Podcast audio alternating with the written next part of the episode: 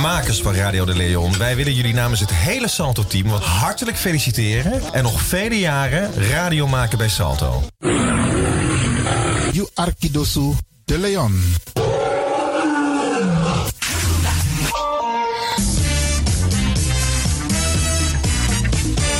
Jouw feest is geen feest zonder DJ Exxon. Wacht niet lang en boek DJ Exxon voor jouw gezellig feest en party. Voor meer informatie gaat u naar djexxon.nl of stuur een mailtje naar djexxonmusic@gmail.com of bel met 064 505 5305. Ja toch? It's party time. Let's do the dance.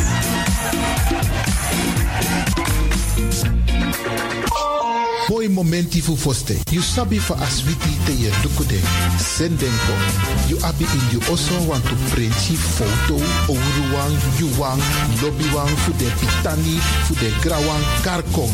Chadenko. Radio de Leon e put de mooi memory for you in you was besrutu kino. Fu you kan luku na de lobbywan. Tap you lo tonton computer. No so tap you kino do su televisie. Sa you must do if you want that Radio de Leon is set you kom. Je nakwan chen chen gona. Noti 60 IT 442 150 64. Igi suku de mooi foto. De mooi printje. Radio de Leon is set you kom. Noti 60 IT 442 150 64. En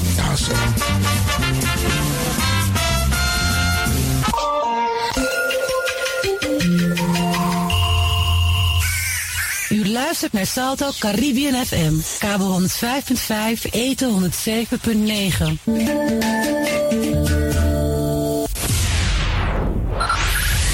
Five, five, four, four, three, three, two, one, one, one, one. We have ignition. Dis na you Arkidosu de Leon. Paus Ribi, gumorgo, gumorgo, Paus Ribi. Uteka deba.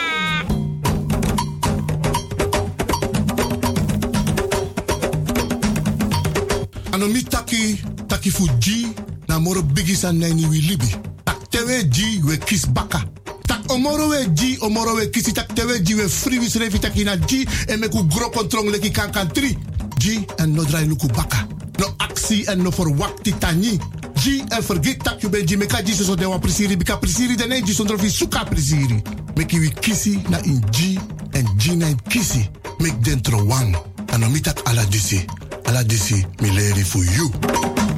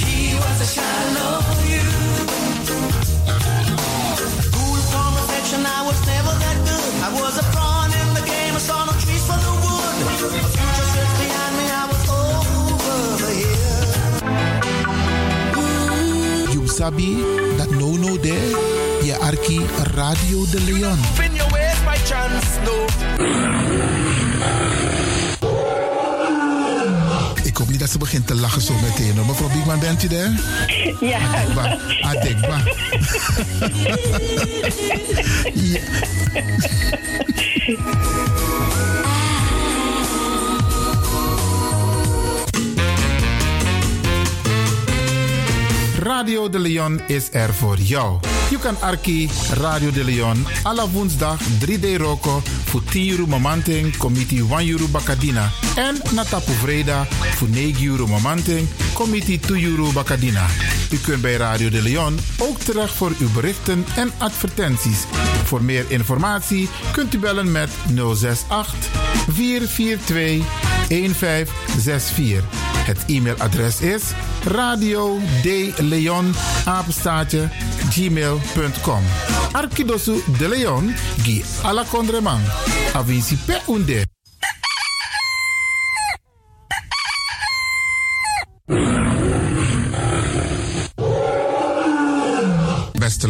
u bent afgestemd hier bij Radio de Leon. Mijn naam is Ivan Levin en ik zit hier met DJ X Don. En fijn dat u gekluisterd bent. Als je echt niet naar buiten hoeft te gaan, verlaal de biggies maar voor nu. Alhoewel, als je zo meteen wordt gehaald om naar een dagbesteding te gaan, doen. Maar kleed je goed, goede schoenen aan, tappa in de boom en dan kun je wel de deur uit. En al die anderen, alle overigen, if you must go naar zee, kleed je goed, eet goed, nog zomaar naar de zee. En ik groet ook alle luisteraars die buiten Amsterdam luisteren, want u weet deze zender, eh, de Caribische zender waar Radio de Leon nu gebruik van maakt, die zit in Amsterdam.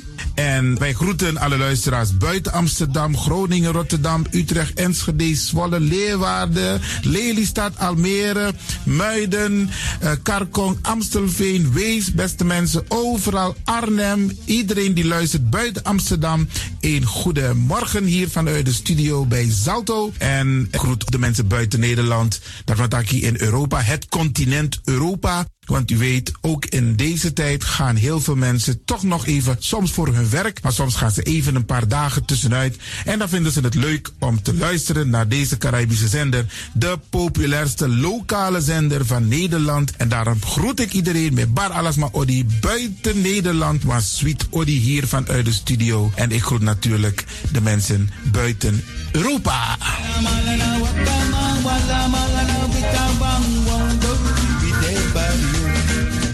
Ja, vooral dit maar aan het Caribisch gebied, waar het lekker warm is, tropisch en subtropisch. Wij groeten u hier en wij vinden het fijn dat u bent afgestemd. Vooral Suriname, Brazilië, het Caribisch gebied, Haiti, Guadeloupe. Ja, ja, beste mensen.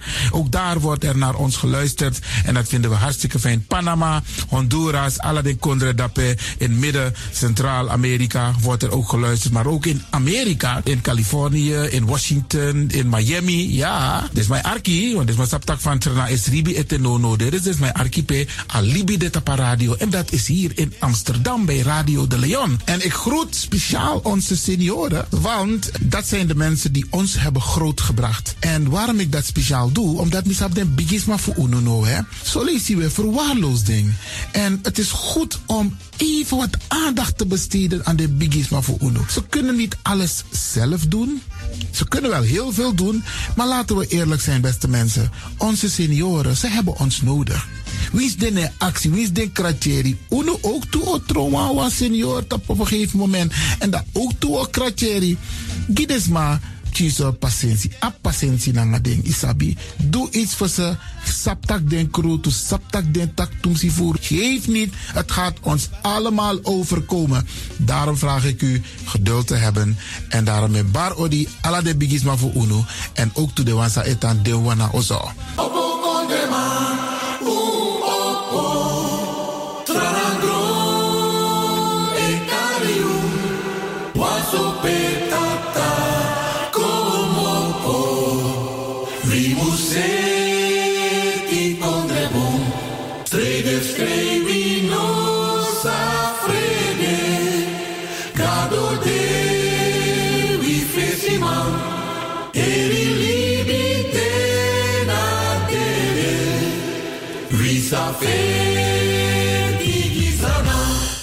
Radio de Leon is er voor jou. Dit is de Rhythm of Holy Spirit.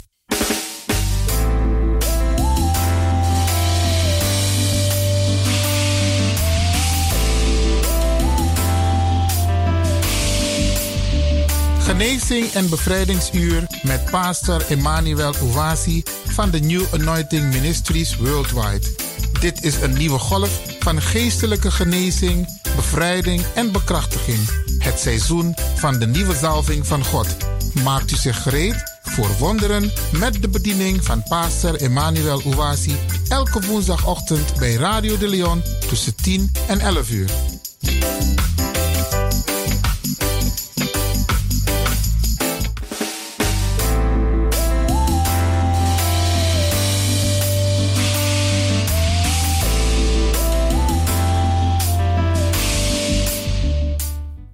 Beloved, Geliefde, welcome to Deliverance Hour. welkom naar het bevrijdingsuur. My name is Reverend Dr. Emmanuel Owazie. De naam van de pastor is Emmanuel, een uh, reverend Dr. Emmanuel Ouassi. the pastor of New Anointing Ministries worldwide. De pastor van de New Anointing Ministries Worldwide. Beloved, this is the day the Almighty God has made. Geliefde, dit is de dag die de Almachtige God gemaakt heeft. We will be glad and rejoice in it, Wij zullen er blij en verheugd in zijn. giving glory and honor unto Almighty Father Glorie en ere geven aan de Almachtige Vader, who has made this day possible die deze dag mogelijk gemaakt heeft. and given us the opportunity to live in the land of the living. En ons de gelegenheid gegeven om te leven in het land der levenden. Hallelujah. Halleluja. Beloved, let's go to our Heavenly Father in prayer. Geliefde, laten wij gaan tot onze Hemelse Vader in gebed. In Jesus' precious name. In Jezus zijn dierbare naam. Father God, we glorify your name. Vader God, wij verheerlijken uw naam. We thank you for all of your goodness and mercies towards us. Wij danken u voor uw goedheid en uw genade naar ons toe. We thank you for your loving kindness Wij danken u voor uw liefelijke vriendelijkheid and your tender mercies that endureth forever. en uw tedere barmhartigheid die voor altijd duurt. Father, thank you for all the testimonies Vader, dank u voor al de getuigenissen. that the wonderful listeners to this program are testifying. Dat de wonderbaarlijke luisteraars van deze programma aan het getuigen We zijn. glorify you for the healings, Lord, Wij verheerlijken u voor de genezingen, for the deliverances, voor de bevrijdingen, for building the faith of your people, om het geloof van uw volk op te bouwen. for increasing their knowledge of the Bible, om hun kennis te vermeerderen van de Bijbel. and making them to know what rightfully belongs to them. En te maken dat ze weten wat ze rechtmatig toebehoort. Father, as we minister today, Vader, terwijl wij bedienen vandaag. bless your people again. Zegen uw volk weer. Increase their joy. Laat hun vreugde toenemen. Increase their testimonies. Laat hun getuigenissen toenemen. Increase their faith. Laat hun geloof toenemen. And meet them to the very point of their need. En kom ze tegemoet tot de punt van hun noden. Let all that are sick today be healed. Laten allen die ziek zijn vandaag genezen Let the zijn. lost be saved today. Laten de verlorenen gered zijn In the vandaag. name of Jesus Christ. In de naam van Jezus Christus. Thank you, Abba Father, Dank u, Abba Vader. for answering our prayers dat u onze gebeden hebt beantwoord. as we pray and believe Zoals wij bidden en geloven. in Jesus' precious name. In Jezus zijn dierbare naam. Amen. Amen. Beloved at home, say amen. Geliefde thuis, zeg amen. Wherever you are, Waar u ook bent. share amen with us. Deel de amen met ons. Amen and hallelujah are heavenly languages. Want amen en halleluja zijn hemelse talen. They have no interpretation. Je kan ze niet vertalen. Amen is amen in every language. Amen is amen in elk taal. Hallelujah is hallelujah in every language. Halleluja is halleluja in elk taal. That's why there are heavenly languages. Daarom zijn ze hemelse taal. And the devil fear these languages so much. En de duivel is zo bang voor deze taal. Shout hallelujah. Schreeuw halleluja. Amen. Amen. Beloved, Geliefde, the theme of the message I'm bringing today is God's power keys to prosperity. de thema van de boodschap van vandaag luidt als volgt: Gods krachtsleutels voor voorspoed. Yes, God's power keys to prosperity. Ja, Gods krachtsleutels voor voorspoed. Beloved, the Bible clearly reveals Geliefde, de, eh, de, de Bijbel legt het duidelijk uit that it is God's will for you to prosper dat het God zijn wil is voor u om voorspoedig te zijn. and be successful in all your undertakings. En om succesvol te zijn in alles wat u doet. God wants you to enjoy good life God wil dat u geniet van een goed leven. and experience His abundant provisions of prosperity. En dat u gaat ervaren zijn overvloed van voorspoed.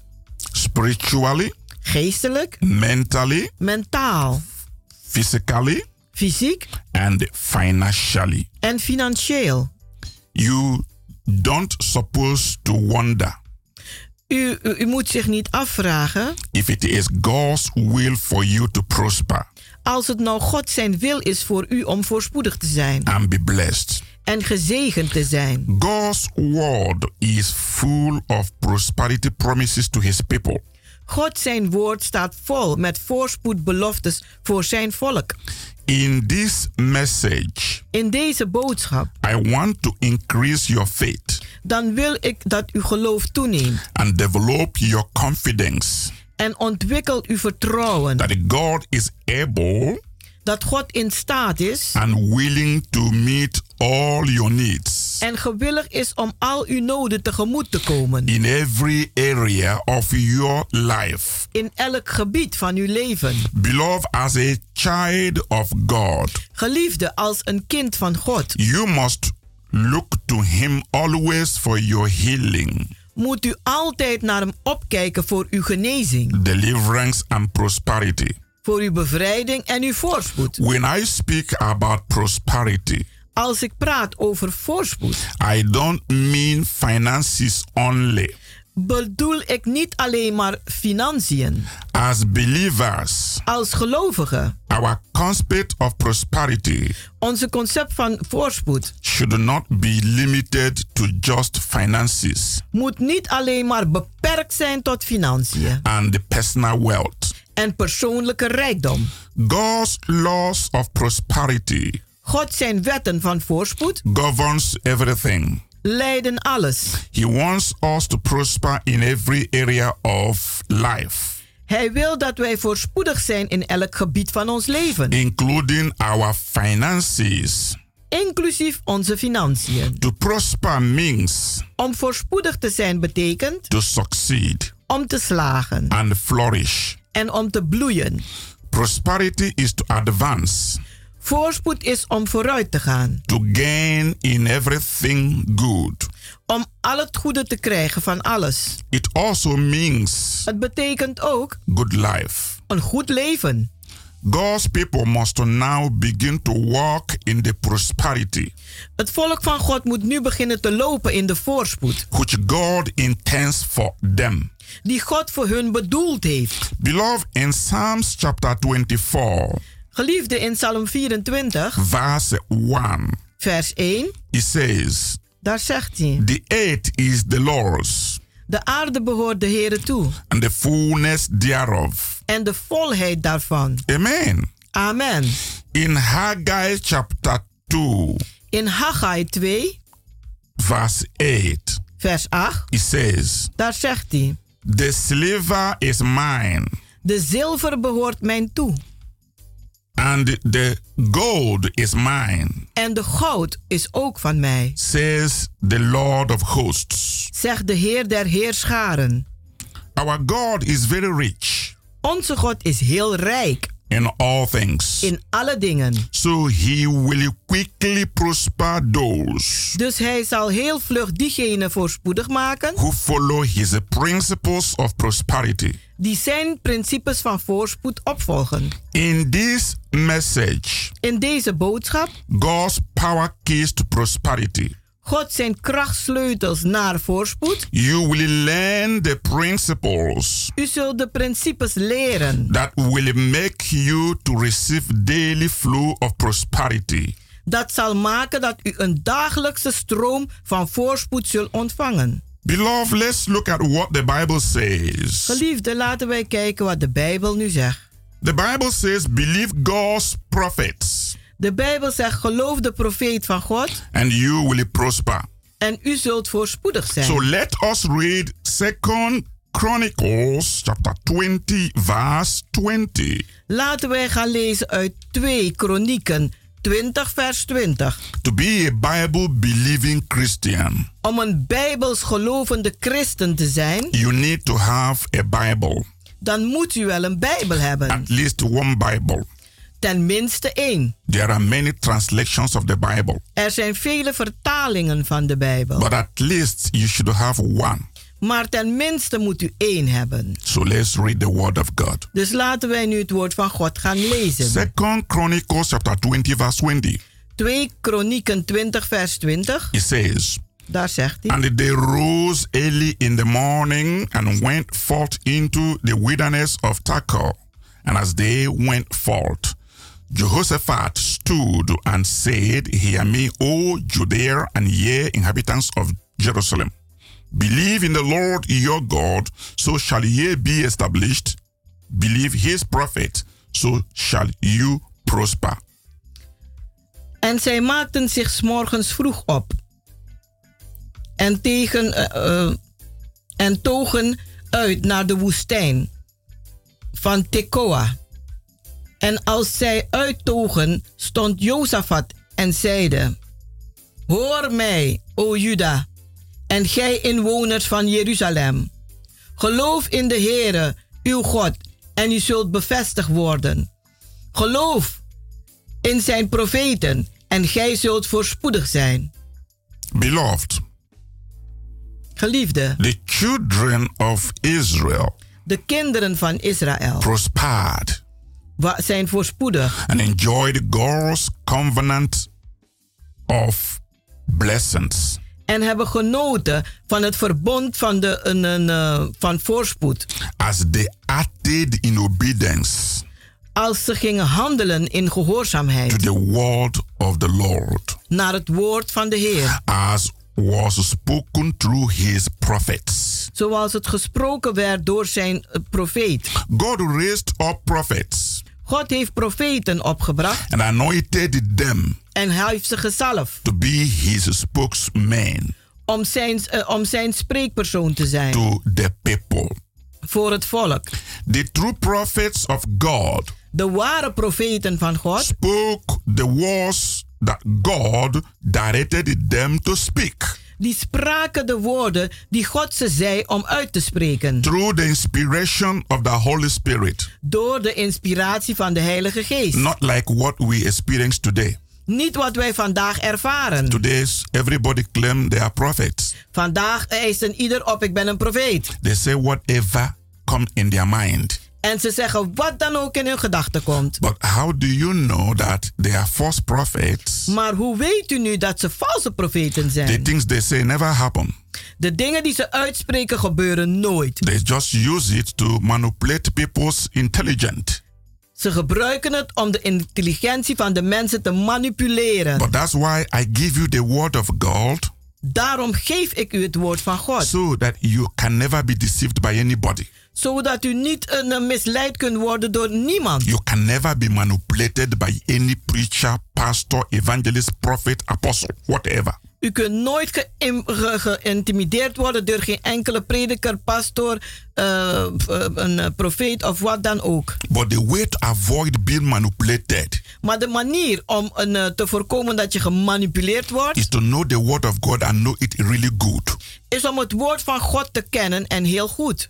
Hallelujah. Halleluja. God used his prophets God gebruikte zijn profeten to warn the people, om het volk te waarschuwen, to rebuke the people, om de mensen te bestraffen, to bring revelations to the people, om openbaringen te brengen aan het volk, to prophesy to the people, om te profeteren aan het volk. And to pronounce his blessings to the people. En om zijn een, een zegeningen uit te spreken voor het volk. In Second Chronicles chapter 20, we've just read In, in, in, eh, 2 Kronieken 20, die we net gelezen that hebben, the children of Israel were facing a battle dat de kinderen van Israël een, een strijd meemaakten. against their enemies, tegen hun vijanden, the Moabites de Moabieten and the Ammonites. en de Amorieten. The Israelites were outnumbered by the enemies. De Israëlieten waren weinig tegenover de vijanden. And the Israelites were so afraid. En de Israëlieten waren zo bang. As the people stood together before the Lord, Terwijl het volk stond voor de Heer, the Spirit of God came upon Jehazel. Kwam de geest van God op Jehazel. And he began to prophesy. En hij begon te profeteren. God spoke through him, God sprak door hem. revealing their enemies' plans En hij openbaarde de plannen van de vijand. and directing their actions. En, en, en, en, leidde hun acties.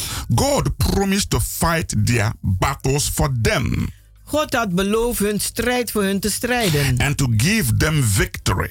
En om ze de overwinning te geven. As they received the word of the Lord, Terwijl ze het woord van God ontvingen, believed it, geloof in and acted upon it, en erin handelden, they were victorious. waren ze ook overwinnaars. King Jehoshaphat told them, Koning Jozafat zei tegen ze: Believe in the Lord your God, Geloof in de Heere uw God. so shall ye be established. Zo zult gij bevestigd worden. Believe his prophets, Geloof zijn profeten. so shall ye prosper. Zo zult gij voorspoedig zijn. Beloved, we will continue after a short break. Geliefden, we zullen verder gaan na een korte pauze. Don't go away. Ga niet weg. There are more revelations for you. Er zijn meer openbaringen voor u. God bless you. God zegen u tot zo.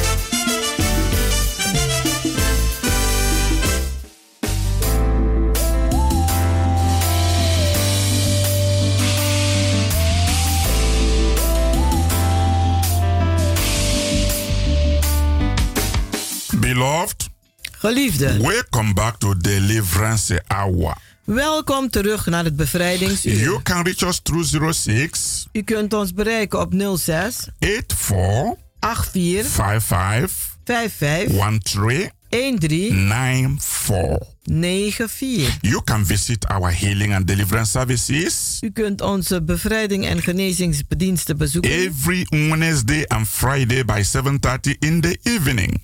Elke woensdag en vrijdag om half acht 's avonds. On Sunday by 12 in the afternoon. En op zondag om 12 uur 's middags. Our place of fellowship is Keienbeck Work number 43. Onze een gemeenschapshal is in, eh, in Keienbergweg nummer 43. The postcode is 1101EX Amsterdam Southoost. De postcode is 1101 EX Amsterdam Zuidoost. It is by the arena. Het is bij de Arena. It's very close to the IKEA Collection Center. Het is heel dicht bij de een eh, IKEA afhaalcentrum. Come with a believing heart. Kom met een gelovig hart. Come and join the new wave of revival fire.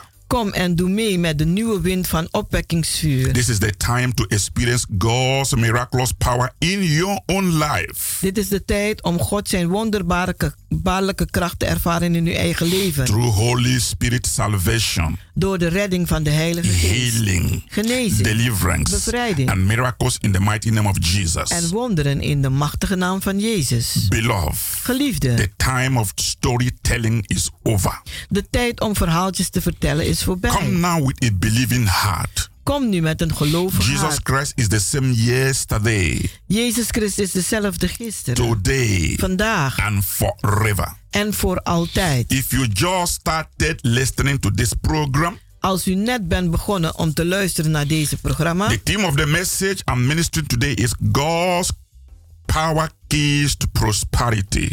is de thema is Gods krachtsleutels naar voorspoed. Beloved, let us read First Kings chapter 17, verse 8 to 16. Geliefde, laten wij gaan lezen uit 1 Koningen, hoofdstuk 17, vers 8 tot 16. It says, And the word of the Lord came unto him, saying, Arise, get thee to Zarephath, which belongeth to Zedion, and dwell there. Behold, I have commanded a widow woman there to sustain thee. De Heere zeide tegen hem: Ga naar het dorp Sarfat, vlakbij Sidon. Daar woont een weduwe die voor u zal zorgen. Ik heb haar daarvoor opdracht gegeven. So he arose and went to Zarephath. And when he came to the gate of the city, behold, the widow woman was there gathering of sticks. And he called to her and said, Fetch me, I pray thee, a little water in a vessel, that I may drink. Dus ging Elia naar Sarfat en toen hij bij de poorten van de stad kwam, zag hij een vrouw die bezig was hout te sprokkelen. Hij vroeg haar een beker water. And as she was going to fetch it, he called to her and said, Bring me, I pray thee, a morsel of bread in thy hand. Terwijl ze wegliep om het te halen, riep hij haar achterna: Neem ook wat brood mee, als u dat wilt. And she said, As the Lord thy God liveth, I have not a cake, but an a handful of meal in a barrel, and a little oil in a cruse. And behold, I am gathering two sticks, that I may go in and dress it for me and my son, that we may eat it and die. Maar zie, ik zweer u bij de Heere uw God, dat ik geen kruimel brood in huis heb. Alles wat ik heb is een handvol meel en een kleine bodemkje olie. Ik heb net wat hout gesprokkeld om voor de laatste keer een maaltijd te kunnen maken. Daar, daarna zal mijn zoon en ik sterven van de honger. And Elijah said unto her, Fear not, go and do as thou hast said. But make me, therefore, a little cake first, and bring it unto me, and after make for thee and for thy son. Maar Elia stelde haar gerust en zei: Wees maar niet bang. Maak die laatste maaltijd van u maar klaar. Maar bak eerst wat brood voor mij. Daarna kunt u voor u en uw zoon wat klaarmaken. For thus said the Lord God of Israel The barrel of meal shall not waste, neither shall the cruse of oil fail, until the day that the Lord sendeth rain upon the earth. De Heere God van Israël zal namelijk dat altijd zal zorgen dat er altijd voldoende meel in de pot en olie in de kruik zal zijn.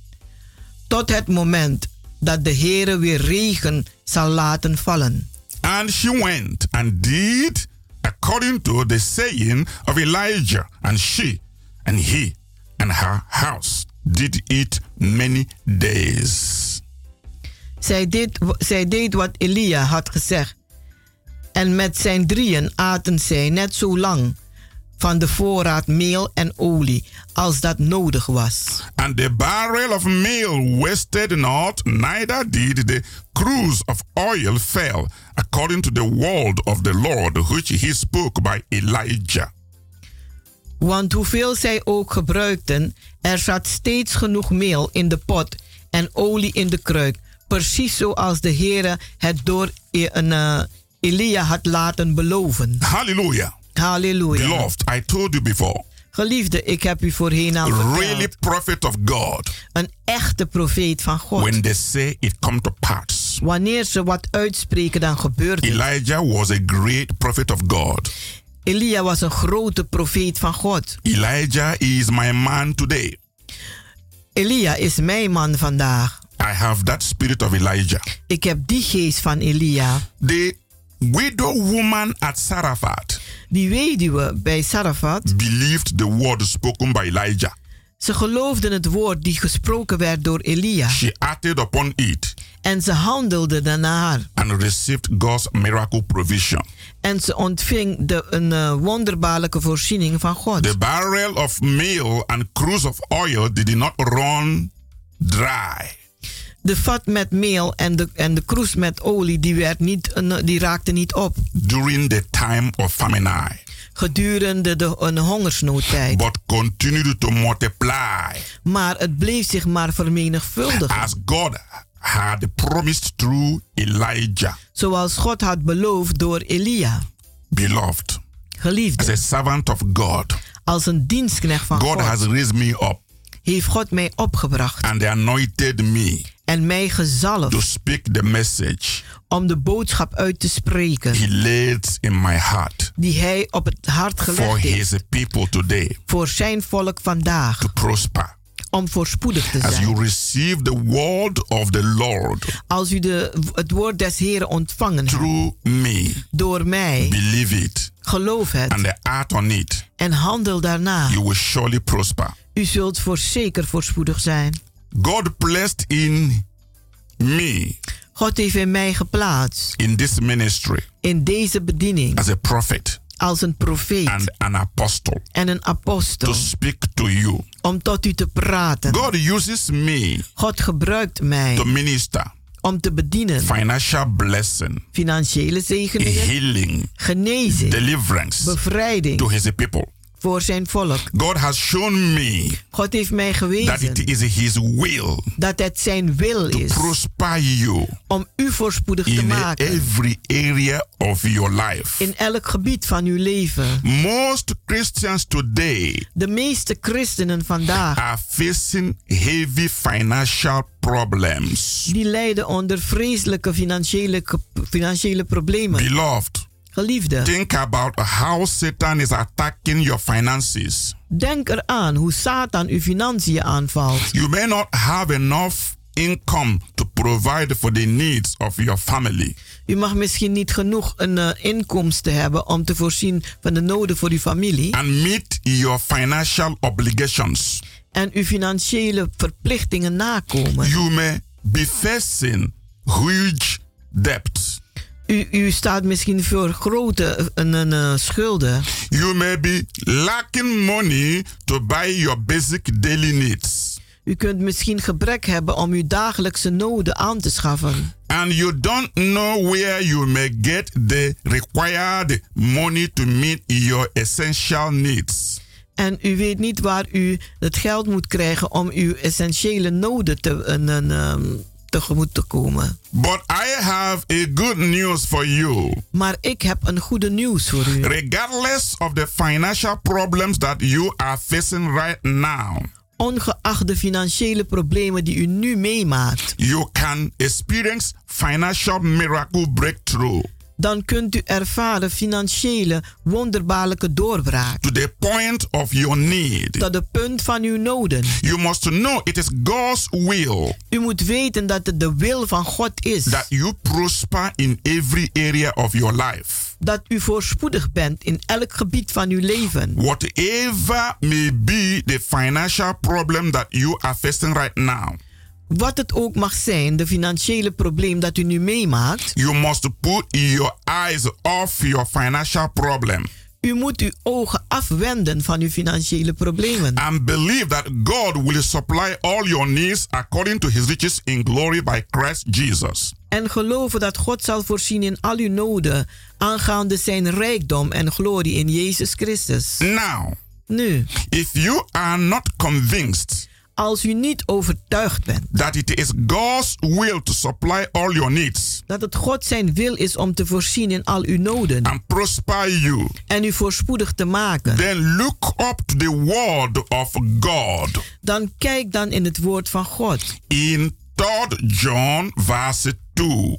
In 3 Johannes vers 5. It says, En het zegt, Beloved, geliefde, I wish above all things ik wens boven alles that thou mayst prosper dat gij voorspoedig bent and be in health, en in goede gezondheid even verkeert. as thy soul prospereth. Net zoals uw ziel voorspoedig is. Beloved, Geliefde, you can see u kunt zien that it is God's will dat het God zijn wil to is prosper you om u voorspoedig te in maken every area of your life. in elk gebied van uw leven. Many Christians are still not convinced Vele christenen zijn nog niet overtuigd that God is concerned about their finances dat het God wel aangaat over hun financiën and that His will is to bless and prosper them.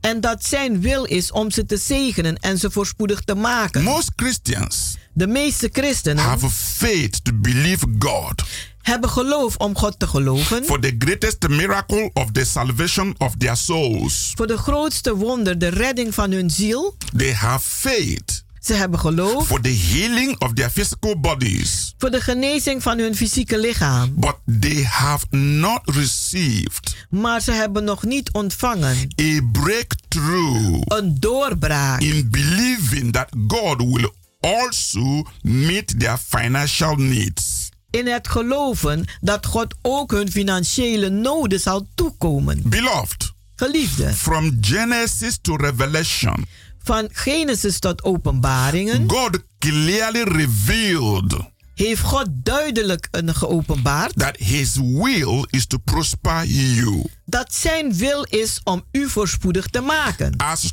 3 John 2 reveals today, Zoals een, een, een- de 3 Johannes 2 geopenbaard heeft vandaag, it is God's will dan is het de wil van God that we prosper in spirit, dat wij voorspoedig zijn in geest, soul, ziel, body, lichaam and finances. en financiën. The prosperity He planned for you to enjoy De voorspoed dat Hij voor u gepland heeft om te genieten, is total provision. is totale voorziening. The abundance of His blessings, De overvloed van Zijn zegeningen, both spiritual, ge- zoals geestelijk, material, materieel and financial. en financieel. The first step to financial breakthrough De eerste stap voor financiële doorbraak is for you to settle it in your heart and mind is dat u het gaat bevestigen in uw hart en uw gedachten. to know Om te weten, beyond a doubt zonder twijfel, that God's will is to prosper you. dat Gods wil is om u voorspoedig te maken. This truth Deze waarheid will set you free zal u vrijzetten from poverty. Van armoede. It will set you free Het zal u vrijzetten from the lies of the devil van de leugens van de duivel. that poverty is normal for you. Dat armoede normaal is voor u. That poverty is part of spiritual life. Dat armoede een deel is van het geestelijk leven. Or poverty is a part of holiness. Of dat een eh, armoede deel is van heiligheid. Those are the lies of the devil. Dat zijn de leugens van de duivel. The truth of the gospel De waarheid van het evangelie is that you have been delivered from poverty. is dat u bevrijd bent van armoede. Time will not permit me, De tijd zal mij niet toestaan. but I will fast read 2 Corinthians Maar ik zal vlug lezen 2 Korinthen, chapter 8 verse 9. Hoofdstuk 8, vers 9. It says, En daar zegt hij: For ye know the grace of our Lord Jesus Christ, Maar gij kent de genade van onze Heer Jezus Christus. that though he was rich, Dat alhoewel hij rijk was, yet for your sakes he became poor, toch vanwege u arm geworden is. that ye through his poverty might be rich. Dat gij door zijn armoede u rijk mag zijn. Hallelujah. Halleluja. Hallelujah. Halleluja. Hallelujah. Halleluja. Christ became poor Christus werd arm, so that you might be rich. zodat u rijk mag zijn. Jesus, as mighty Son of God, Jezus als de machtige zoon van God, was co-equal with God. die was ook een, een, is gelijk met God.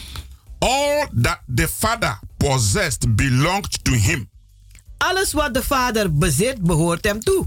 He was rich, Hij was rijk, far beyond anything ver boven alles we can think dat wij kunnen denken or imagine of ons kunnen voor verbeelden with our natural minds. met onze natuurlijke gedachtes. Jesus was the possessor Jezus was de, was de bezitter of the heavens van de hemel and earth. en aarde. The millions of glories De miljoenen van glorie, heerlijkheid and riches of heaven, en rijkdommen van de hemel. the sun, De zon, moon, de maan and stars, en sterren. the earth De aarde with all its silver, met al zijn zilver, gold, goud, diamonds, diamanten, rubies, robijnen emeralds, en, en, en emerieten and all world's jewelries. en al de juwelen en, en, en, en, ehm, de stenen van de aarde. and all the oil. Al het olie. And minerals. En mineralen. were just only a small part of his riches. Dat zijn maar een kleine deel van zijn rijkdom. Just a small part of it. Alleen een klein deel. Now, all the lands, Al het land, the sea, de zee, the mountains, de the bergen, hills, de the heuvels, valleys, de valleien and the fishes in the sea, en de vissen in de zee. animals in the forests, De dieren in het bos. all belong to him, Alles behoort Jezus toe. Jesus Christ. Jezus Christus. All things were made by him, Alles is door hem geschapen. and all things belonged to him. En alles behoort hem toe. Beloved, Geliefde. yet En toch, he chose to become poor hij heeft gekozen arm te worden. willingly, Gewillig. not by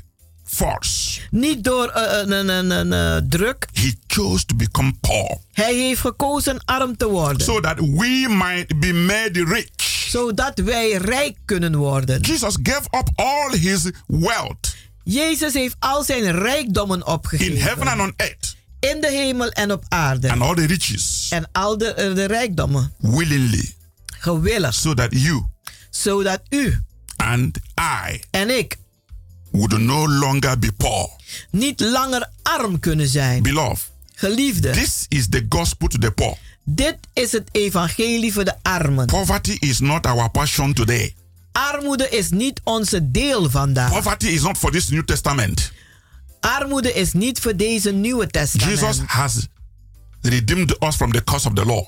Jezus heeft ons bevrijd van de vloek der wet. He became a curse for us Hij werd een vloek voor ons. so we can inherit the blessings. zodat wij de zegeningen kunnen erven. He became poor, Hij werd arm. very, very, very poor, Heel arm. so we can become very, very rich. Zodat wij heel, heel, heel rijk kunnen worden. If you believe in this God of prosperity, Als u gelooft in deze God van voorspoed, this is your time. Is dit uw tijd. I'm inviting you Ik nodig u to uit our prosperity services naar onze voorspoeddiensten. every Wednesdays Elke woensdagen. from today Vanaf vandaag. and every Fridays En elke vrijdagen.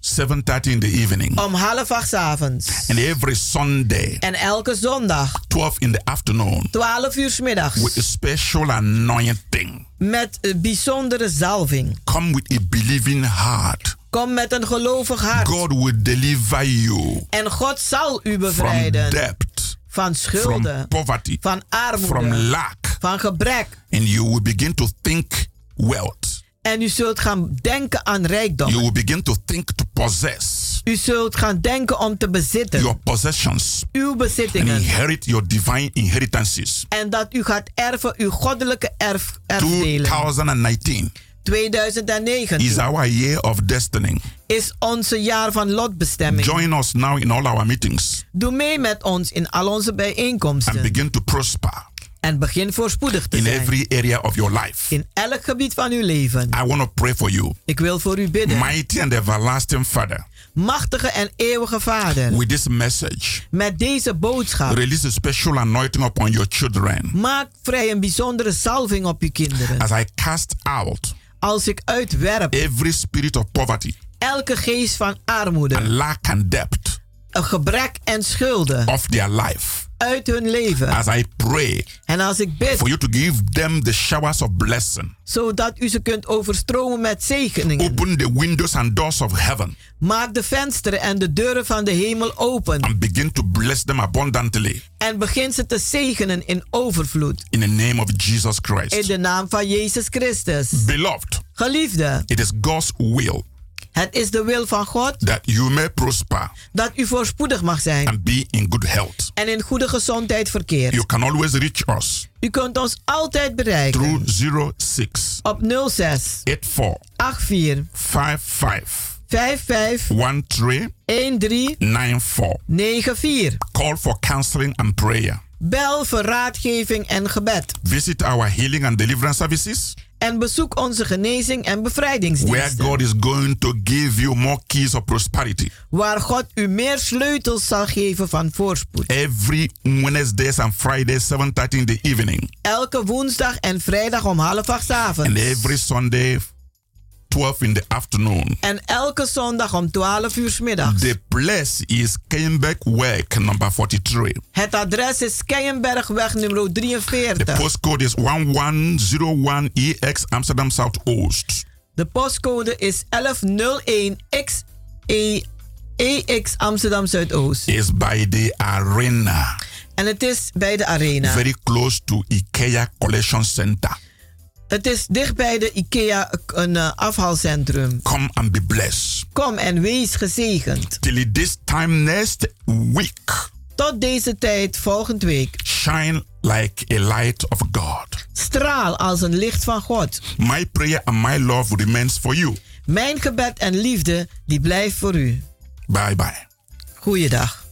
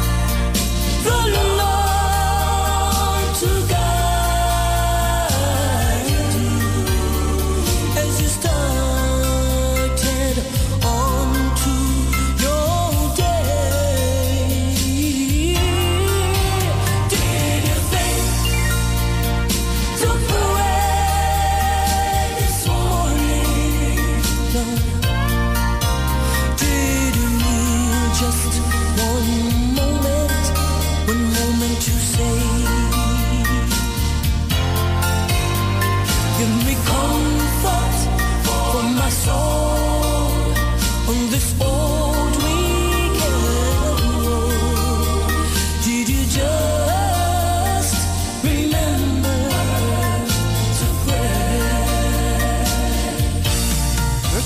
U heeft geluisterd naar het onderdeel The Rhythm of the Holy Spirit, u gebracht door pastor Emmanuel Ouassi van de New Anointing Ministry Worldwide, hier bij Radio de Leon.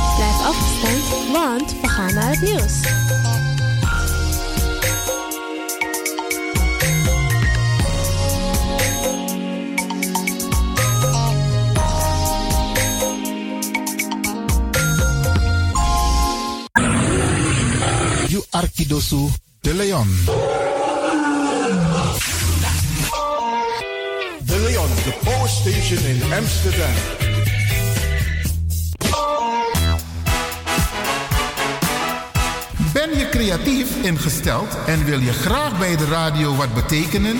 Of ken je iemand die dit graag zou willen? Dan zijn wij op zoek naar jou. Radio de Leon nodigt je uit om te reageren als je een programma wilt presenteren. Bij Radio de Leon krijg je gratis een technische cursus, zodat je met zekerheid achter de microfoon kan plaatsnemen. Je kunt ook op de achtergrond meewerken, bijvoorbeeld de redactie. Ben je geïnteresseerd? Neem dan contact op met de redactie van Radio de Leon. Radio de Leon at gmail.com. Ik herhaal, e-mail radio. Stuur een sample audio-opname van maximaal 5 minuten van jouw presentatie. Alvast heel veel succes en welkom in het team van Radio de Leon.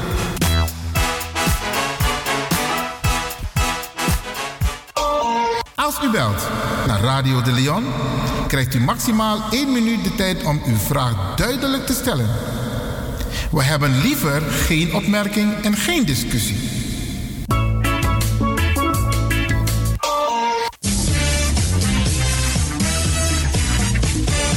Jouw feest is geen feest zonder DJ Exxon.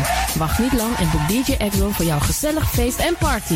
Voor meer informatie gaat u naar djexxon.nl of stuur een mailtje naar djexxonmusic@gmail.com of bel met 064 505 5305. Ja toch? It's party time. Let's do the dance.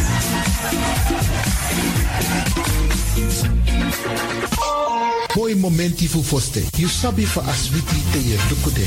Sendenko. You abi in you also want to print foto.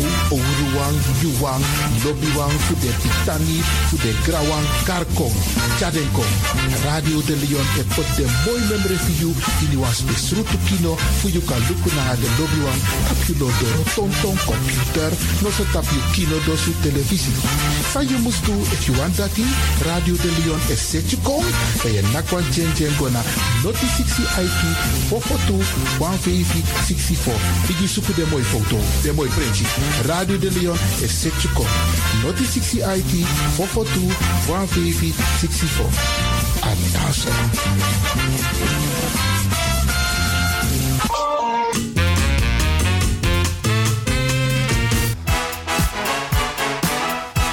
Ben je creatief ingesteld en wil je graag bij de radio wat betekenen? Of ken je iemand die dit graag zou willen? Dan zijn wij op zoek naar jou. Radio de Leon nodigt je uit om te reageren als je een programma wilt presenteren.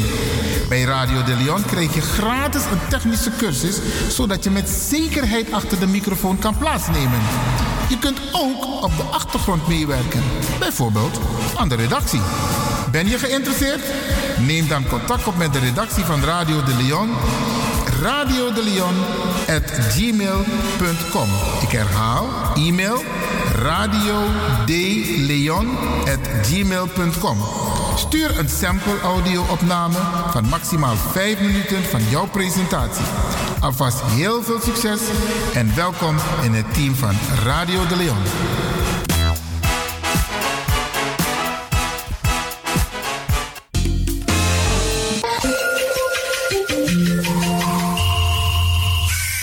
U luistert naar Salto Caribbean FM, kabel 105.5, eten 107.9.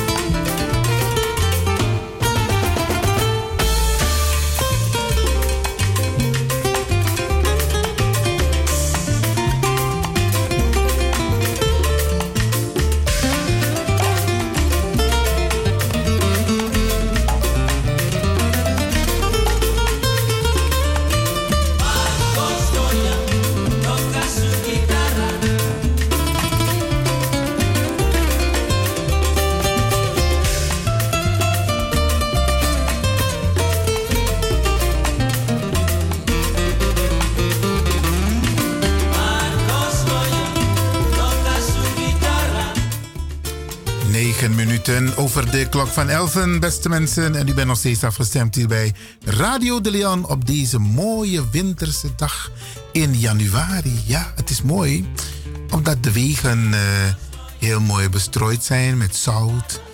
Dus de auto's kunnen veilig rijden, niet te hard. Dus tegen de straat in om si tranga. Dat als nu papa sino dat tranga. En voor de mensen die echt niet de deur uit hoeven te gaan, blijf lekker binnen.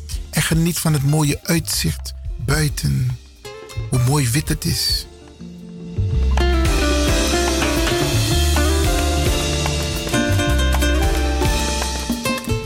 Wat gaan wij doen in dit uur, beste mensen?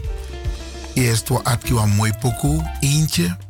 En daarna gaan we naar een interview dat is afgenomen, opgenomen vorig jaar met uh, Stan van Houke. Hij is de interviewer. En hij heeft mij geïnterviewd, Ivan Levin. En het gaat over racisme en discriminatie. Wij hadden al een deel uitgezonden. En, maar we gaan weer bij het begin beginnen. Want we hebben wat ruimte om het volledig vandaag uit te zenden. Luistert u mee naar mijn visie, mijn interpretatie, mijn mening. Als het gaat om racisme en discriminatie. En de voorbeelden die ik erbij haal. Let wel, het is geen live programma, beste mensen. Het is een eerder opgenomen programma. En fijn dat u luistert. Nu nog kort dit nummer van Marcos Loya. En het nummer heet Maria Dulce. Dulce betekent zoet. Maria kent u. En zometeen een nummer van Groepe Carnaveral.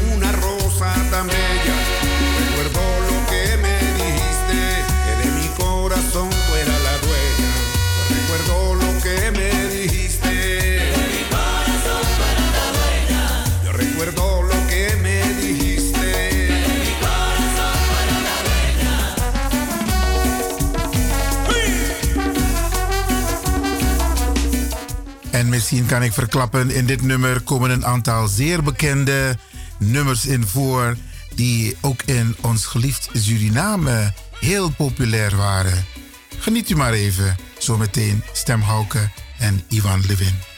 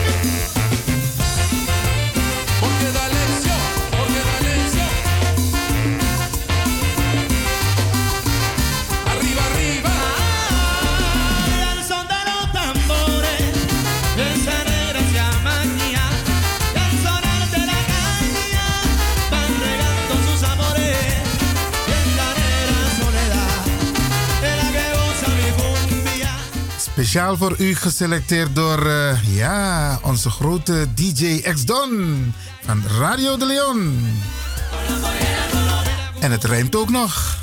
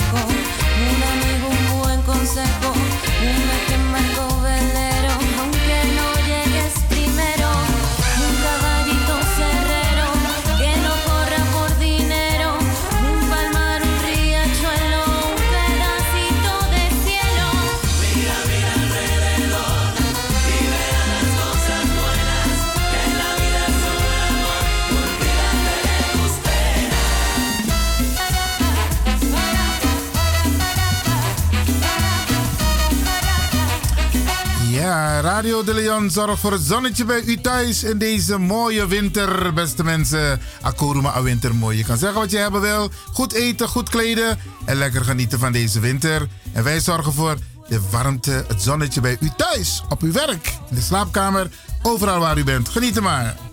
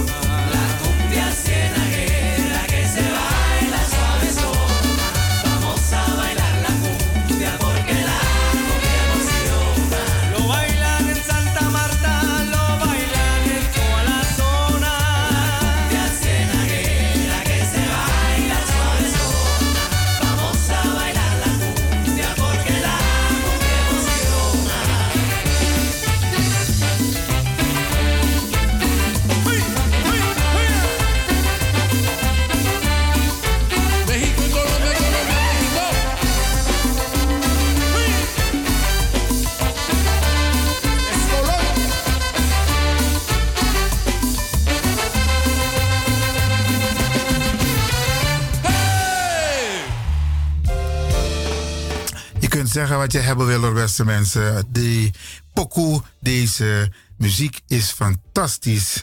En het werd u gebracht door Grupo Carniveral. Ja, ja, ja, ja. Oké, beste mensen, zoals beloofd eh, gaan we luisteren naar een, eh, een interview. Dat is afgenomen door Stan Gauke van Café Wels. Die hebben een eigen eh, programma, zo heet het. hier bij radio, nee, bij Salto. En het ging over racisme en discriminatie. Zometeen met een paar seconden.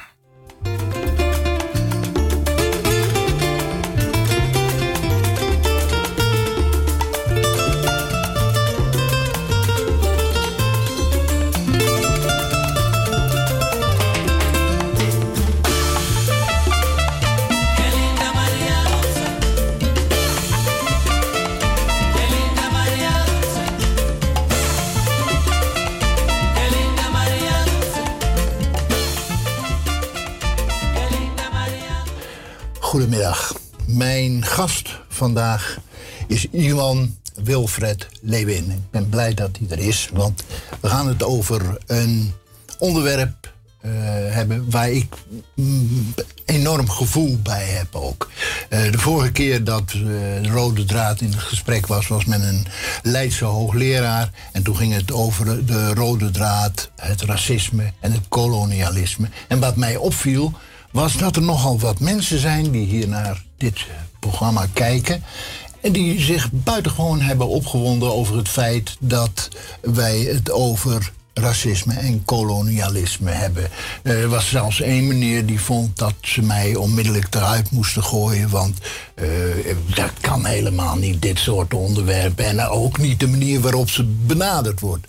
Vandaar opnieuw dit onderwerp. En vandaar dat ik eh, Wilfred Lewin, Ivan Wilfred Lewin, heb gevraagd. Hij is oud GroenLinks fractievoorzitter voor de, re- de regio Amsterdam Zuidoost geweest. Hij is voormalig vakbondsbestuurder. Van welke vakbond? Avacabo FNV. Dat is een eh, grote vakbond. Een van de grote vakbonden in Nederland, ja. En jij bent daar medebestuurder van Ja. Eh, van het lid van het bondsbestuur, ja, klopt. Je bent programmamaker bij Salto. Eh, Je bent bijna 60, begrijp ik? Bijna. Bijna, kijk.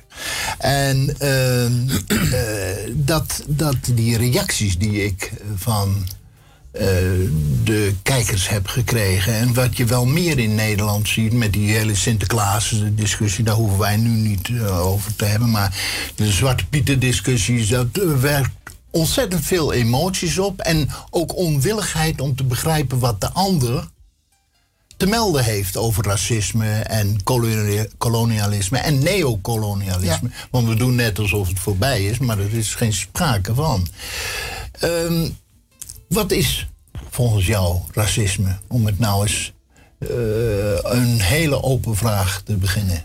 Nou, racisme is iets wat een onderdeel is van de Nederlandse samenleving. Waarbij mensen eh, op basis van hun huidskleur ongelijk worden behandeld. En eh, iemand die een machtspositie heeft, die kan alleen racisme bedrijven. Want mensen verwarren vaak discriminatie en racisme. Discrimineren, dat doet bijna iedereen. Maar racisme, dat doe je vanuit een machtspositie. Jij bepaalt, omdat je die machtspositie hebt, wat er met de ander gebeurt. En het is soms zodanig verweven in de Nederlandse samenleving dat men bijna niet meer in de gaten heeft dat er sprake is van racisme.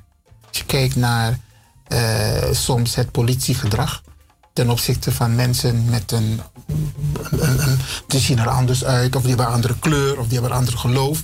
Dan wordt vanuit die machtspositie gehandeld. Dat zou men niet doen naar iemand die op, op hem lijkt op dat moment. En, en vaak zie je dus dat ook bij de politie, en het is nota bene soms, er komt binnenkort een film, dan zie je dat het ook collega's zijn, maar hij weet het niet. Maar hij behandelt zijn collega omdat hij vindt dat hij verdacht eruit ziet. Terwijl het een collega is, maar hij weet het niet op dat moment dat het een collega politie is. Maar omdat hij een andere kleur heeft, word je eh, Dus gestigmatiseerd. vanuit, dus vanuit de machtspositie, dan handelt men racistisch. Merk jij er wel eens iets van? Van het racisme? Ehm, ik, ik, ik voel meer discriminatie. Maar ik ben ook een type, dat heeft ook mee te maken met mijn achtergrond. Maar ik merk in mijn omgeving dat er wel racisme is. Ik kom bijvoorbeeld aan in Parijs op de luchthaven. En ik merk dat alle Afro-mensen aan de kant worden gezet. En alle westerse mensen, noem het maar even zo, want het is lastig met al die termen. De westerse mensen die mogen gewoon doorlopen. Maar de Afro-mensen, de African origins, andere kleur, die worden aan de kant gezet. Dat is racisme, dat is ook discriminatie. Dus eigenlijk is discriminatie een onderdeel van het racisme. Maar vanuit de machtspositie handelt de douanier zo, of de marechaussee. En dat moet dus niet kunnen. Maar het gebeurt wel. Omdat het diep, diep verankerd is in, laten we zeggen, het westerse beeld. Want het, het heeft allemaal met beelden te maken. Ja. Eh, het westerse beeld van de ander, die niet tot de westerse cultuur zou moeten kunnen behoren, maar het toch wel is. Ja, kijk, het, het- dan moeten we een stukje terug in de geschiedenis van hoe komt het eigenlijk? De hele geschiedenis is op basis van de negativiteit hè, over de geschiedenis. Het is op basis van ongelijke behandeling, racisme, discriminatie. Kijk maar naar slavernij, slavenhandel, kolonialisme. Het is trouwens veroordeeld door de Verenigde Naties. Crime against humanity. Wreedheid tegen de menselijkheid. Terwijl het nog steeds bestaat in de vorm van neocolonialisme. Ja. Dus Nou, sterker nog, als je, als je, als je kijkt naar ehm, wat voor systemen er zijn om met name de eh, bepaalde eh, groepen mensen uit te sluiten van deelname, maar ook hun te be- begiftigen met, met, met verg- vergiftigd water, systematisch. In Amerika heb je dat bepaalde wijken, die krijgen geen gezond water via de kraan. En zo heb je nog meer systemen. Het inenten, de virussen die verspreid worden. Men is bezig met een, een soort nieuwe vorm van vernietigen van de mens. En in dit geval de afro-mens. En, en wij moeten nu met de hedendaagse kennis, moeten we dat gaan bestrijden. En dat kunnen wij niet alleen, dat moeten we samen doen. En dat, die, die manier van ehm, racisme. Kijk, racisme heeft een functie. En de functie tijdens het kolonialisme was duidelijk. Je kunt een ander. Nou, niet- daarvoor al, hè? Tijdens de slavernij en slavenhandel. Ja, en maar ook tijdens het kolonialisme. Want dat, dat, men had namelijk arbeiders nodig. Die onder erbarmelijke omstandigheden bereid waren tussen aanhalingstekens. Nou, niet bereid met- waren, gedwongen werden. Ja, bereid, wou zeggen, bereid met het pistool in de nek. ehm, om te werken voor de witte man. Ja. Die, dat kun je alleen doen als je jezelf kunt wijsmaken dat die zwarte eigenlijk helemaal niks zijn. Anders, Maar- anders is het niet maar mogelijk. Dat is ook de filosofie hierachter. Men is er altijd van uitgegaan, nu nog steeds, dat de ene minder is dan de ander. Ja. En dat de ander meer is, of dat de, dat de ene ook meer is dan de ander. Dat zit nog in mensen. Mensen hebben er nog steeds het gevoel, eh, we noemen dat white supremacy, dat mensen denken vanwege hun huidskleur, dat ze dus meer mogen en alles mogen. We hebben een wet, hè, de identificatieplicht. Dan zeggen sommige witte Nederlanders, die zeggen, dit geldt niet voor mij, dat geldt voor de migranten en voor de allochtonen en voor die... Kom op, het is een wet. Het is een Nederlandse wet, dat geldt voor iedereen. Ja. Waarom ongelijk behandelen?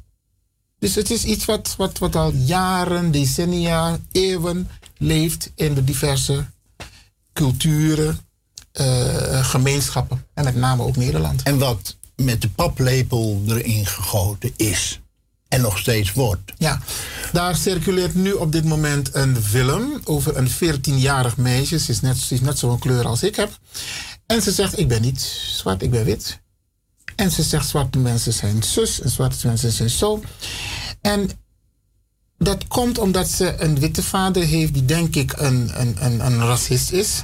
Want kinderen zeggen wat hun wordt geleerd. Ja. En kinderen worden puur, rein, schoongeboren met een gezond verstand. En die produceren alleen wat hun geleerd is. Dus als er gemeenschappen zijn die bewust bepaalde, en het staat ook in sommige boeken, hè, daarom heb ik moeite met sommige dingen die in boeken staan. Maar als het bewust aan de kinderen wordt geleerd thuis, dan blijft het ook hier tussen de oren zitten. En dan gaan ze het weer overbrengen op hun eigen kinderen. Ja, conditionering Ja. krijg je dan. eh. Ja. Wel, kijk, overigens is dat niet alleen beperkt tot witte mensen, maar eh, bijvoorbeeld in Afrika eh, is racisme ontstaan, vreemd genoeg, na de introductie van het kolonialisme. Dus bijvoorbeeld Bantus en Nilotische stammen die in Afrika wonen, in, in Oost-Afrika, die kijken neer op Bantu-zwarten. Waarom doen ze dat? Omdat zij zich beter voelen. Maar doen ze dat vanuit, mensen. hebben ze dat gedaan vanuit de machtspositie? Ja, vanuit de machtspositie. Dan is het Precies. racisme? Mauritanië precies Ja? Ik ben in Mauritanië geweest, daar had je de zwarte moren. Dat waren echt daadwerkelijk slaven. Die werden ook als slaven gezien. Ondanks het feit dat ze in 1980 in Mauritanië de slavernij hebben afgeschaft. Maar die zwarte moren worden als slaven behandeld door de witte moren. Die niet eens wit zijn. Ja. Begrijp je wat ik bedoel? Ja. dat Als je klopt. kijkt in de Verenigde Staten bijvoorbeeld hoe Mexicaanse vrouwen in zogeheten sweatshops worden misbruikt, die door keihard moeten werken. Dat is een positie van slaven. Het geldt precies hetzelfde voor de zwarte Amerikaanse gevangenen die eh, dwangarbeid moeten verrichten. Dat is gewoon slavenarbeid. Ze krijgen er nauwelijks voor betaald. Ja. Dus het, het, zit... het, het, lijkt een soort eh, core business, als je het hebt over discriminatie en racisme, dat mensen daar behoefte aan hebben om het in stand te houden. Maar wat about de menselijkheid? Snap je? Ehm, Wat about het feit dat het iets doet met de mensen? Ehm, met de kinderen, met de ouderen. Met het feit dus dat de een alles mag hebben en de ander eigenlijk niets mag hebben. Als je kijkt naar, naar eh, want dan praat je over echt die ongelijkheid. Ja. En dat is veel te veel aanwezig in deze wereld. En ook in Nederland. En ik denk, want ik, ik, ik denk dat het goed is om ons te focussen op Nederland. Natuurlijk zijn er heel veel dingen die gebeuren in de rest van de wereld. Maar als je het hebt over eh, discriminatie en racisme in Nederland. dan moeten we even kijken naar onze eigen geschiedenis. De Nederlandse geschiedenis. Ehm, ik zal je eerlijk vertellen, in Suriname heb je dus ook ehm privéclubjes gehad. Waar alleen mensen mochten komen die bijvoorbeeld een bepaalde kleur hadden. Dus in dit geval de witte kleur. En later mochten mensen zich aansluiten die hoge posities hadden. Dat was tot kort nog in Suriname. En dat heeft te maken met een soort apartheidssysteem. En dat heb je ook in Zuid-Afrika gehad. Want Nederland is het enige land dat zeg maar, het apartheidssysteem op die manier ook heeft ontwikkeld. In Nederland, Ook in Suriname, maar ook in Zuid-Afrika. En ook een beetje in Indonesië. Maar goed, daar kun je dus duidelijk merken dat er een bepaalde behoefte was dat de mensen die racisme bedreven en discriminatie, ze wilden niet dat anderen ook hebben wat zij hebben of hadden. En ehm, dus ik moet ehm, eh, een luxe kunnen leven, maar jij mag dat dus niet. Want dan, ben, dan zijn we gelijk. En vanwege die voorgeschiedenis dat mensen niet gelijk zijn. We hadden net in het voorgesprek over het feit dus dat er onderzocht moest worden of een bepaalde bevolkingsgroep mens was. Ja, de Indianen bijvoorbeeld. De katholieke kerk heeft Ja. in de begin van de tijd van Columbus moeten uitspreken dat Indianen daadwerkelijk mensen waren Ja, en geen beesten. Ja, maar het geeft ook aan hoe, ehm, hoe diep het verankerd is in het westers bewustzijn. Ja. En ik kan je eerlijk vertellen, eh Stan, als wij, ik noem het, wij die een beetje bewust zijn en wij die op bepaalde posten zitten, gebruik maken van diverse medium, media, wij kunnen er wel wat aan doen om de samenleving enigszins duidelijk te maken dat wij allemaal gelijk zijn. En dat we allemaal gelijk behandeld moeten worden. En men hoeft niet bang te zijn over, ja, dan, dan zijn wij een minderheid. Daarom moeten we alle machtsposities behouden. Want dat is ook de achterliggende gedachte. Die machtsposities behouden. Toen Obama president werd, vond het- het- het- het bibberde wit-Amerika. Want die dachten, mijn god, nou gaan die zwarten allemaal wraak nemen op ons. Voor wat wij hun hebben aangedaan in het verleden. Maar die man is gewoon een president. Snap je? En, en die vrees is er dat men denkt dat door, doordat ze komen in een minderheidspositie, dat er dan wraak genomen zal worden. Ja, maar het heeft ook te maken met als jij niks bent en je voelt je niks, dat is nog weer een stapje verder. En je voelt je eigenlijk alleen maar een ondergeschikte die geen enkele greep heeft op zijn eigen leven, laat staan op de samenleving als geheel. Wanneer je in die positie verkeert, dan wil je graag iemand hebben op wie je neer kan kijken. Oké, dan heb je dus nu Dat is over een de- noodzaak. ja. Maar het, het, het, het is een beetje eh, tegenstrijdig wat je zegt. Want in principe gaat het om degene die wel die positie heeft om over een ander te kunnen beslissen. Dus hij is niet helemaal in de positie waarbij hij zich. eh, ehm, hij heeft een ander nodig om op neer te kijken. Hij heeft die positie gewoon om gewoon neer te kijken op een ander. Jawel, maar luister, je hebt in de Verenigde Staten bijvoorbeeld white trash. Ja? Dat zijn eh extreemrechtse eh, mensen die in feite geen onderdeel meer van de, de Amerikaanse samenleving Nee, klopt. uitmaken. Je hebt wijken waar je helemaal niet moet begeven. Precies. Die white, white trash, die dus zelf al een heel, ehm, laten we zeggen, minimaal zelfbeeld hebben. Die zijn de meest racistische van allemaal. Kijk, als jij eh, ergens in, in, in New York in een van de dure buurten woont, kun je makkelijk geen racist zijn. Want jij hebt namelijk Ja, niets met maar die jongens nogmaals, te maken. Nogmaals, Stan, kijk, we moeten voorkomen dat we die twee termen niet door elkaar halen. Racisme is vanuit de machtspositie. Die white trash waar je het over hebt, die zitten niet op machtsposities. Die, die kunnen eerder discrimineren. Precies. Maar die hebben niet die posities om andere mensen, alhoewel je enkele, een enkeling hebt in, in, in diverse politiekorps en dergelijke, maar ze hebben niet die dominante positie om anderen te discrimineren. Dat hebben ze dus niet. Wat ze dus wel doen is discriminatie toepassen. Maar goed, dat is Amerika. Dat is de Verenigde Staten. Ja. Ja. maar dat heb je in Nederland op een rare manier ook. In Nederland je hebt een noemen we dat- grotere groep mensen die zich die voelen dat ze eh, geen onderdeel uitmaken van de samenleving. Dat de rijken en machtigen maar doen waar ze zelf eh, het beste van worden.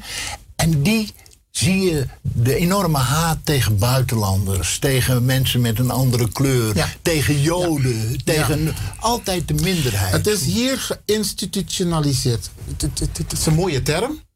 Maar dat komt kortom op, kortom op neer van... Men denkt dat het normaal is om zich zo op te stellen tegenover een ander.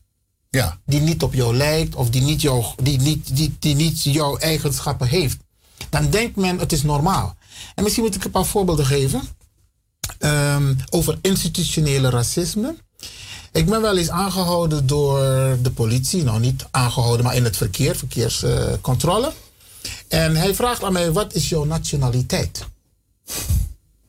Ja. En blijkbaar heeft hij die vraag heel vaak gesteld aan mensen die niet op hem lijken. Die vraag mag jij dus niet stellen.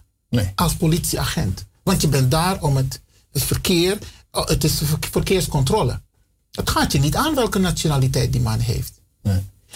Een ander voorbeeld is. ehm, Maar hij gaat er al sowieso vanuit dat jij geen Nederlander bent. Juist. En ik heb, ik heb persoonlijk tegen hem gezegd van ik geef jou 10 seconden om die vraag terug te nemen. Want je mag, hem, je mag het mij niet stellen. Je mag mij niet vragen wat mijn nationaliteit is. En hou je bij de opdracht die je hebt gekregen vanaf het politiebureau. Ehm, daar was nog een voorbeeld van institutionele racisme. Dat komt nog steeds voor bij diverse gemeenten. Dat er een bepaalde registratie wordt bijgehouden van mensen die wel of niet westers zijn. En ik denk dat de overheid hier echt op moet gaan letten. Dat zij dus niet in de documentatie van de gemeente, burgers, burgersadministratie, dat men na, op nahoudt wie wel of niet Nederlander is, wie wel een bepaalde etniciteit heeft. Ik noem dit zo omdat wij, wij weten de geschiedenis van de Tweede Wereldoorlog. Ook op basis van die registratie. En daarom is men zo vaak tegen geweest tegen registratie. Maar het is makkelijk een kaartenbak opentrekken en je weet precies waar, waar zitten de Joden. Of waar zitten de homo's. Of waar zitten de Afro-mensen. We moeten heel voorzichtig daarmee zijn. En de overheid mag zich niet schuldig maken aan dat soort vormen van ongelijke behandeling. Ik noem het nog net geen racisme, maar ongelijke behandeling. Iedereen moet op dezelfde manier behandeld worden. Die, eh, er is een eh, zwarte schrijver, eh Aimé Césaire, een zwarte intellectueel. Je hebt het boek daar. Hij heeft een buitengewoon belangrijk boek geschreven. En dat gaat over het kolonialisme, maar over de psyche van de koloniale macht. En eh, is enorm, eh, in de jaren 50 een enorme invloed heeft het gehad. Hij schreef, de kolonisator, die om zijn geweten te sussen... de gewoonte heeft de andere mens als een beest te zien... wendt zich er zelf eraan om hem als een beest te behandelen... en heeft de neiging om zichzelf zichzelf dus in een beest te veranderen. Ze dachten dat ze alleen maar Indianen of Hindoes of bewoners van Zuidzee-eilanden of Afrikanen aan het afslachten waren. Maar in feite hebben ze één voor één de verdedigingslinies vernietigd waarachter de Europese beschaving zich vrij had kunnen ontwikkelen. Kijk, als je de ander als een beest behandelt. Of als minderwaardig gaat zien, dan doe je ook een aanslag op jezelf. En, en, en het meest merkwaardige van het kolonialisme. Kijk, dit was het individu. Die op die manier zich manifesteerde in de koloniale gebieden. Maar wat about het systeem kolonialisme? Het systeem waarbij Nederland is hier en daar is Suriname. Ik vroeg het aan iemand, ik zeg, weet je hoeveel snelwegen Suriname heeft na de onafhankelijkheid? Niet één. Geen één? Niet één. Ook niet naar het zuiden toe? Nergens. Geen enkele snelweg. Want hier praat over snelwegen, provinciale wegen en autowegen en ventwegen. Geen enkele snelweg in Suriname. Dus als je het hebt over kolonialisme, er is niets geïnvesteerd. En dat is het koloniaal beleid geweest. Waardoor degene die het koloniaal beleid uitvoerde in dat land, in dit geval Suriname, zich inderdaad op een bepaalde manier kon manifesteren. Maar er is nooit geïnvesteerd. Er werd niet geïnvesteerd. Er is na de onafhankelijkheid ook niet geïnvesteerd. Als je het hebt over koloniaal gedrag van Nederland in dit geval. Het was om uit te zuigen. Ja, de bauxiet en puur, god maar weten puur wat. alleen maar halen uit het land. En weet je wat, wat, wat, wat- Nu werk jij mee met dit programma om mensen duidelijk te maken van dit is een stukje van de Nederlandse geschiedenis. Zo heeft Nederland zich opgesteld ten opzichte van de koloniën. Alleen maar halen en niet investeren. En op een gegeven moment is Suriname onafhankelijk geworden. 3,5 miljard gulden onafhankelijkheidsverdragsgelden. Nee, eh, ontwikkelingsgelden. Dat is anderhalf miljard, hè? Dat is om en bij 20% van de begroting van Amsterdam op jaarbasis. Waarvan 80% terug is gevloeid naar Nederland. Want dat was er ook wel zo geregeld Het dat was zo geregeld terug, in die eh, commissie CONS, Commissie Ontwikkeling Nederland-Suriname, waarbij het kader uit Nederland moest komen. De, de, Producten. De, de producten uit Nederland, de salarissen, verblijf, alles moest uit die verdragsmiddelen.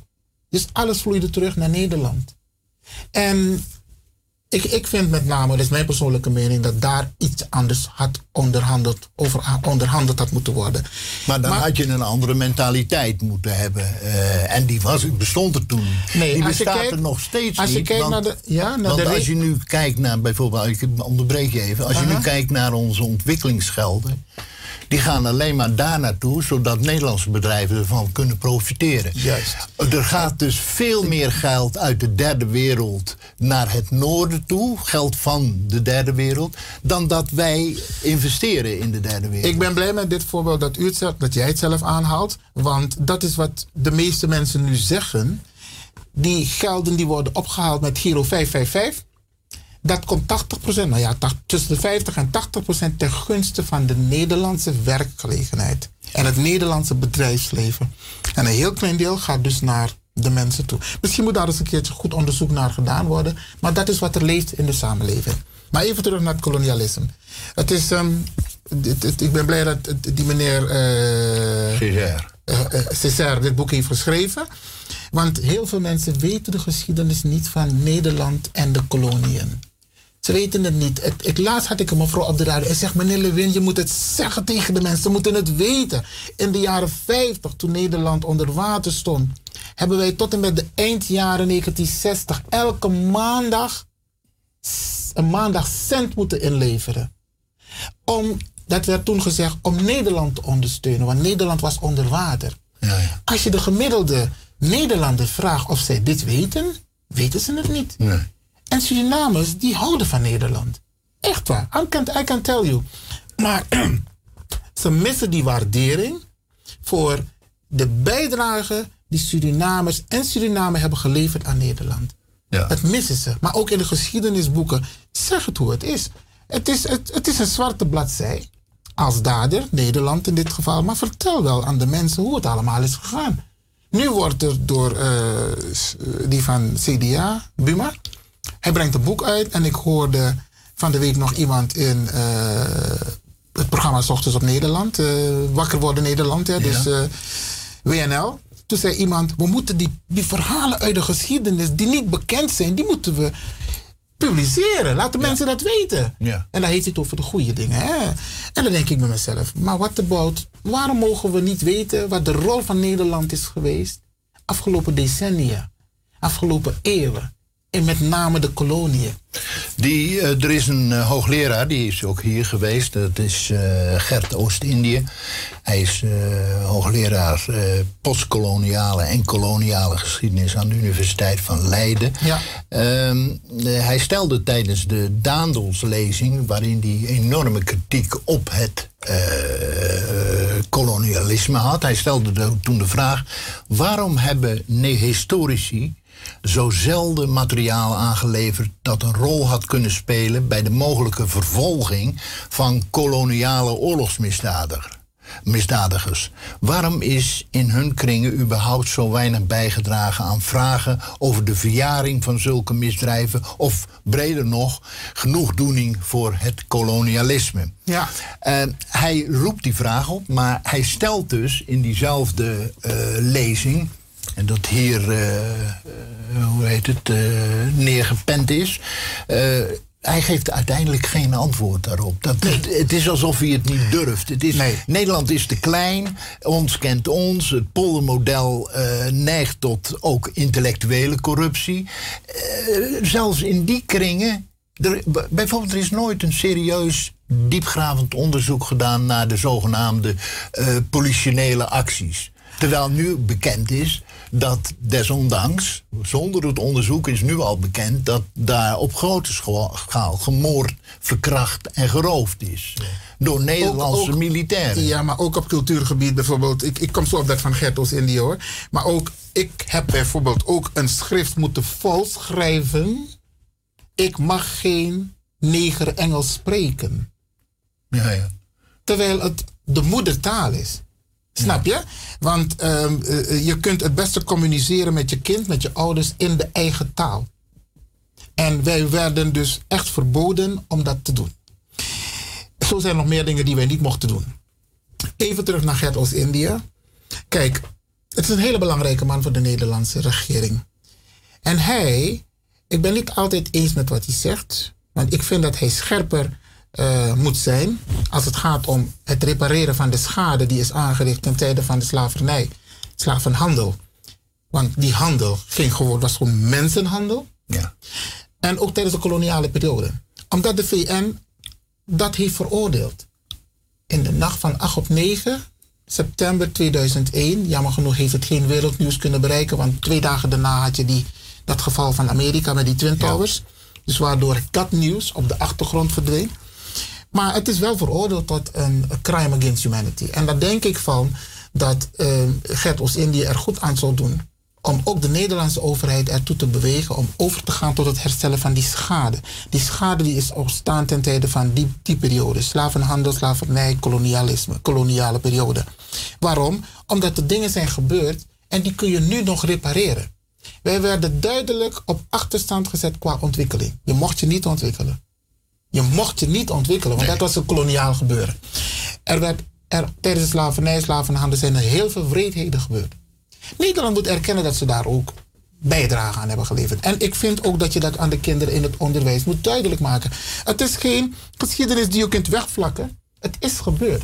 En daar denk ik van dat Gert Oost-Indië wel degelijk het advies kan geven, trouwens moet geven aan de Nederlandse overheid van hey, die gemeenschap waarvan wij de honderden jaren de baas waren in Suriname, die wonen dus nu een deel van bijna de helft in Nederland. Het wordt tijd dat wij naar hun gaan luisteren. Om ze ook die waardige ruimte te geven in de Nederlandse samenleving. Want ik kan u vertellen, het stoort heel veel mensen. De gevolgen van de slavernij en slavenhandelperiode. Het, het stoort mensen nog steeds. Eén is die beeldvorming. Als je kijkt naar de Nederlandse televisie, dat zeg ik altijd. Kijk heel kritisch als het om donkere mensen gaat bij een ongeluk of een aanslag. Dan zie je gewoon de slachtoffers op tv. Slachtoffers op tv. Maar als het gaat om witte mensen, dan zie je dat nooit. Ik zeg, je hoeft mij niet te geloven. Kijk vanaf vandaag naar de televisie. En kijk wanneer het gaat om donkere mensen, afro-mensen, mensen met een andere huidskleur. Dan komt alles op televisie. Ik heb hier in de studio een GroenLinkser toen... ehm, hij is nu wethouder, ik noem geen naam, maar hij is wethouder. En hij zei, wij gaan onze eigen broeders toch niet verlinken? Ik zeg, want waarom laten jullie alles zien over de andere kleur, maar over jullie zelf niet? Tijdens een aanslag of, of, of een ramp, hè? Je ziet nooit lijken. Je ziet nooit slachtoffers. Je ziet wel politie, brandweer, eerste hulp. Maar je ziet nooit slachtoffers. En we- weet je wat ook zo gek is? Dat is recentelijk gebeurd. De, de- een man, die, een witte man, die gaat een eh, hoe Synagoge? binnen, schiet daar elf mensen dood. Eh, Wat, hoe berichten de, de Nederlandse media, bijvoorbeeld de Nu-NL, die zei een man met een lichte huidskleur. eh, Weet je wel, also, we mogen je niet zeggen dat het een witte was. En bij een, een, een terroristische aanslag zou het normaal gesproken zijn als een Arabier of een, een, een- iemand met een andere kleur het had En gedaan. dat is die en hier heet het een schietpartij. De witte, de witte crimineel wordt humaan behandeld. Het is een schietpartij, zeggen ze. Ja, hij Geen wordt humaan aanslag. behandeld. Hij wordt meegenomen naar McDonald's als hij wat wil eten, onder begeleiding. Nou, ik heb een gezien waar een Afro-persoon in een rolstoel zit en die zegt: Ik geef me over, en toch wordt hij kapot geschoten. Dus, maar goed, ik vind hè, dat, dat, dat Nederland er goed aan doet. En dan kom ik even terug bij Gert Oost-Indië. Om de Nederlandse overheid te adviseren om over te gaan tot het repareren van de schade. En nogmaals, die beeldvorming, waarbij men denkt dat de een beter is dan de ander, in dit geval wit ten opzichte van afro, andere kleur, dat men daarmee moet stoppen, want dat is niet goed voor de samenleving. Want kinderen worden ermee opgevoed.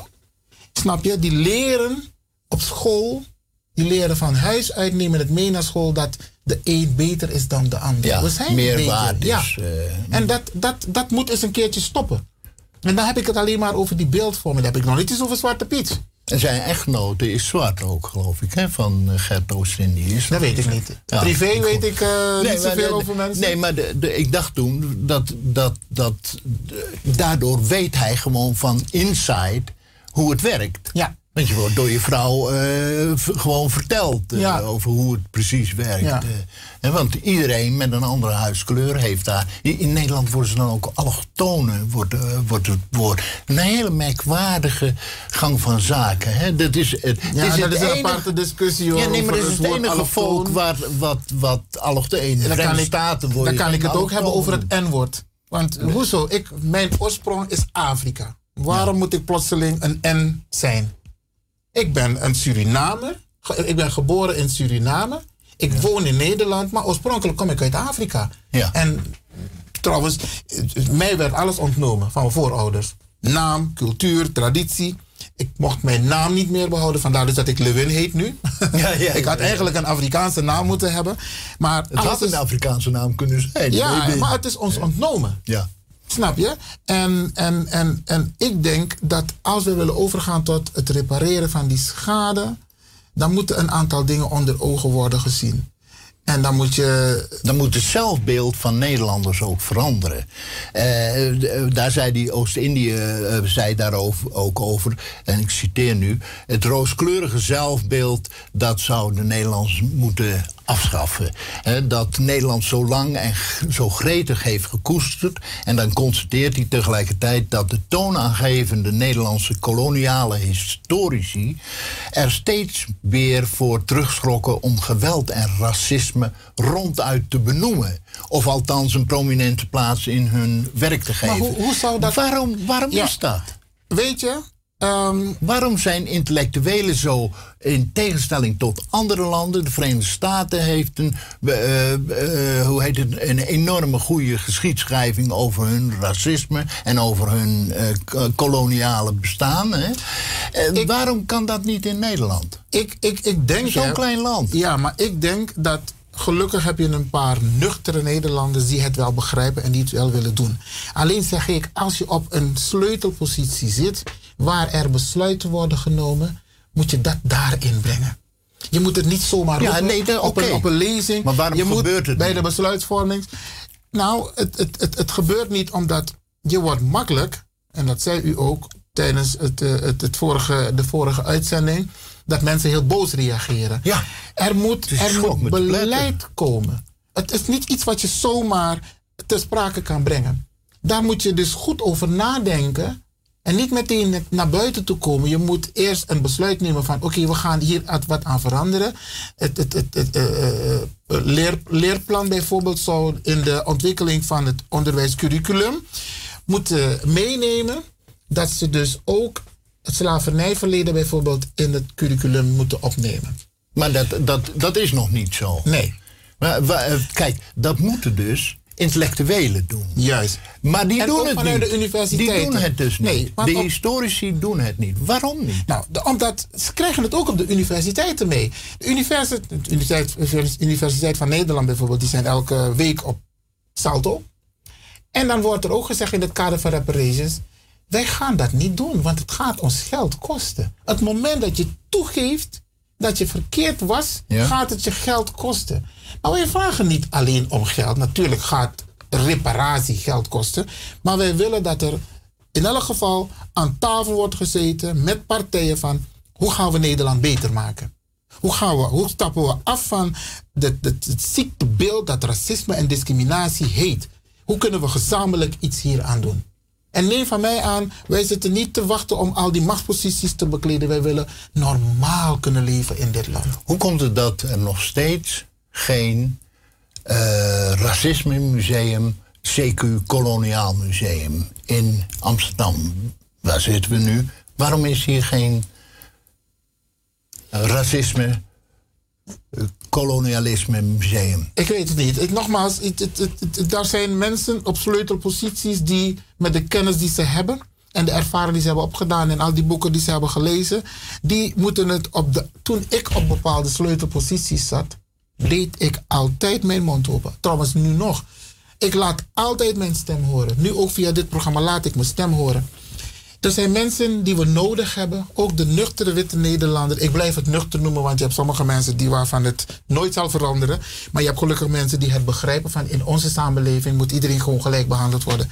We hebben die mensen nodig om de Nederlandse samenleving gezond te maken. We hebben ze nodig. En die zitten op sleutelposities. Ook als het gaat om bijvoorbeeld ehm, het woningbouwbeleid. Ik heb vanuit de politiek aangegeven, Amsterdam had toen een, een, een woonbeleid, een concept. Ik mocht gelukkig mijn inbreng leveren via een motie of een amendement. En waarin stond dat de grootste woning, vierkamerwoning moet zijn. In Amsterdam. Ik zeg, wacht eens even. De niet-westerse Amsterdammer, die heeft grote gezinnen. Ja. Dus een vierkamerwoning is niet geschikt voor grote gezinnen. Gelukkig, omdat ik op zo'n positie zit, kan ik dat beïnvloeden. Heb ik gezegd, maar wacht eens even. Laten we ook denken aan de mensen die grote gezinnen hebben. Er moet ook ruimte zijn voor die gezinnen om in Amsterdam te kunnen wonen. En zo zijn er dus meer posities, sleutelposities, waar er besluiten worden genomen.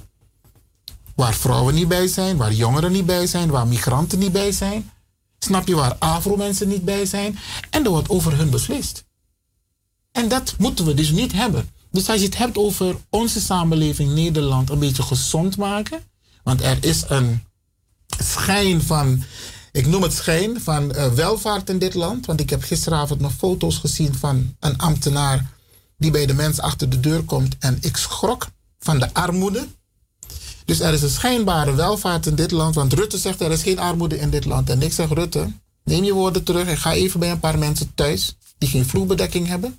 Dan zal je zien dat dit land wel degelijk een aantal ziektes heeft. Ja. En armoede is daar één van. Ja. En racisme is er ook één van. Discriminatie is er ook één van. Willen we daar wat aan doen, dan zullen we het gezamenlijk moeten doen. Wij kunnen niet constant blijven vechten en vechten tegen racisme en discriminatie. Wij hebben de Nederlandse samenleving nodig. We hebben het onderwijssysteem nodig. Ook de universiteiten. Ook de mensen op de sleutelposities. Snap je? We hebben het kader nodig. Maar ja, tegelijkertijd hebben we een systeem. Ja, beste mensen, het is bijna 12 uur. Wij gaan na de klok van 12 door met dit eh, interview. En wij gaan na de uit, eh, het laatste gedeelte u de gelegenheid geven om nog een reactie te geven op het interview van eh, Stan Hauke en ondergetekende Ivan Levin, dat eerder is opgenomen en ook eerder is uitgezonden. Als ik zelf ook opnieuw naar luister, dan is er nogal wat gezegd in deze uitzending. Zometeen het nieuws en dan gaan we daarna terug naar het interview.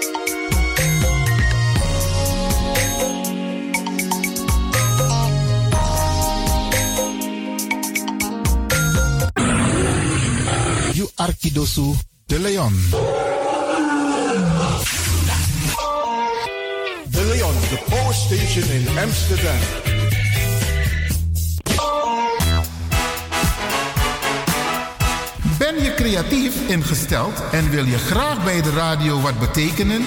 Of ken je iemand die dit graag zou willen? Dan zijn wij op zoek naar jou. Radio de Leon nodigt je uit om te reageren als je een programma wilt presenteren. Bij Radio de Leon krijg je gratis een technische cursus, zodat je met zekerheid achter de microfoon kan plaatsnemen. Je kunt ook op de achtergrond meewerken, bijvoorbeeld de redactie. Ben je geïnteresseerd? Neem dan contact op met de redactie van Radio de Leon. Radio de Leon at gmail.com. Ik herhaal, e-mail radiodeleon at gmail.com. Stuur een sample audio-opname van maximaal 5 minuten van jouw presentatie. Alvast heel veel succes en welkom in het team van Radio de Leon.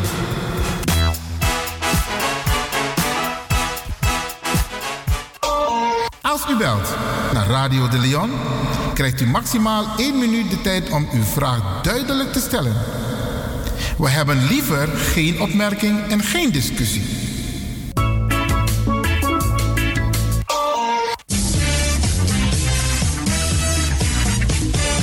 Jouw feest is geen feest zonder DJ Exxon. Wacht niet lang en boek DJ Exxon voor jouw gezellig feest en party. Voor meer informatie gaat u naar djexxon.nl of stuur een mailtje naar djexxonmusic@gmail.com of bel met 064 505 5305. Ja toch? It's party time. Let's do the dance.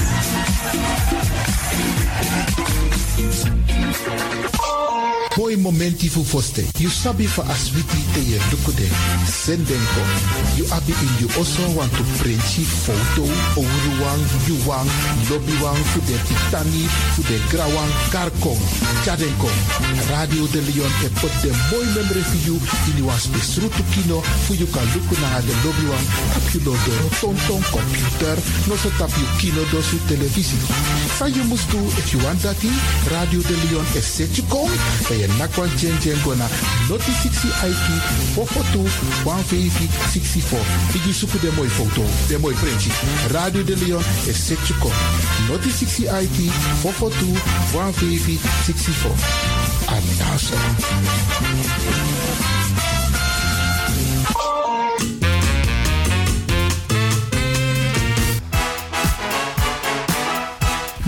Creatief ingesteld en wil je graag bij de radio wat betekenen?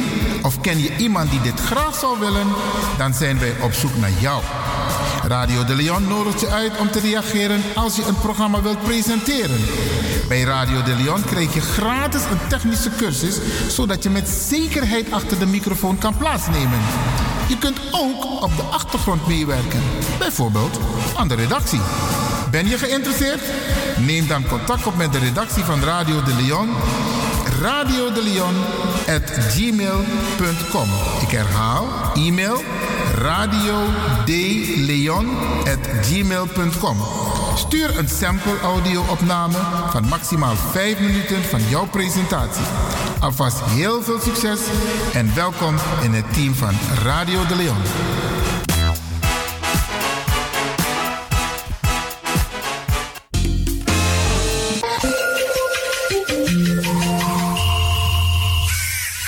Luistert naar Salto Caribbean FM, kabel 105.5, eten 107.9.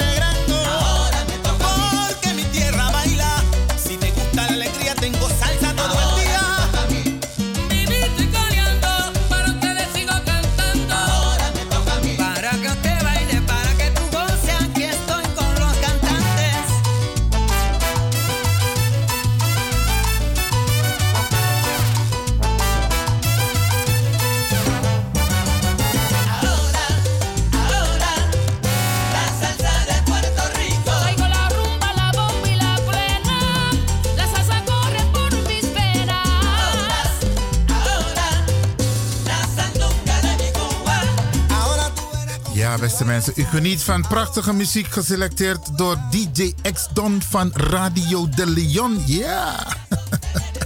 Geniet ervan, hè? Deze mooie winterse dag.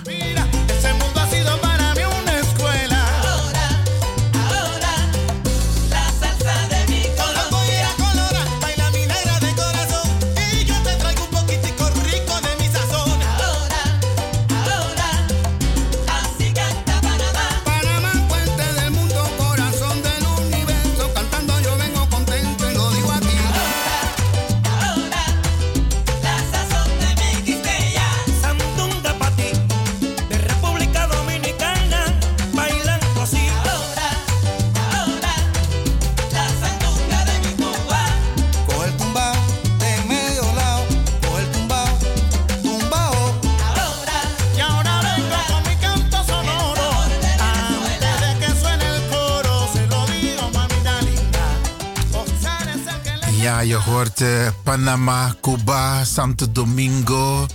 Eh, ja, af en toe dat je hier heel op de achtergrond Suriname.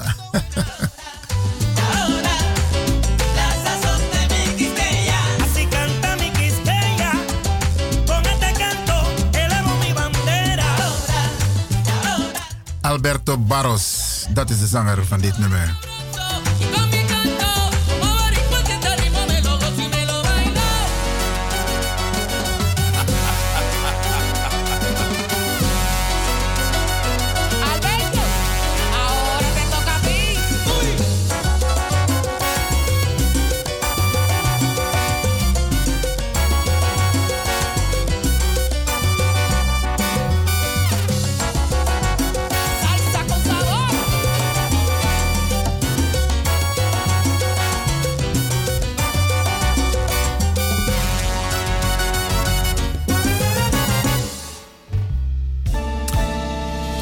Even op de rustige tour met eh, Marcos Loya. Zometeen gaan we door met het interview. Dat is uitgezonden door Café Wels. Een onderdeel van Zalto hier, programmamaker. En interview tussen Stan en Ivan Levin, Stan van Houken. En we gaan een stukje dat nog over is van de uitzending aan u laten horen. Ik ontmoet, eh, even vooraf beste mensen, ik ontmoet regelmatig heel veel mensen. Hè? Heel veel mensen ontmoet ik en die zeggen, meneer Lewin, we arkiëren, we arkiëren, we luisteren naar Radio de Leon, alleen Unebel. En sommigen zeggen, mobel lazy. Wat ik wil zeggen, beste mensen, ik vind het fijn, dit soort mooie, leuke reacties. Als ik weet dat mensen luisteren naar de radio. En mensen zeggen ook, meneer Lewin, er worden educatieve, informatieve programma's verzorgd bij Radio de Leon. En dat stellen wij op prijs. Er worden onderwerpen aan de orde gesteld. No one. Geen persoonlijke toestanden. Nee, meneer Lewin, wij luisteren naar u en wij vinden uw programma's goed. En dat wilde ik even met u delen, beste mensen. Ehm, ik wil ook ehm, u bedanken voor eh, de mensen die deze leuke reacties geven en zullen blijven geven. U mag ook heel positief kritisch zijn, maar doe dat niet live op de radio. U weet hoe ons te bereiken. Wij staan open, het team van Radio de Leon, voor positieve kritiek, opbouwende kritiek. En daar kunt u ons altijd voor bereiken. We gaan zo meteen naar het vervolg van het interview.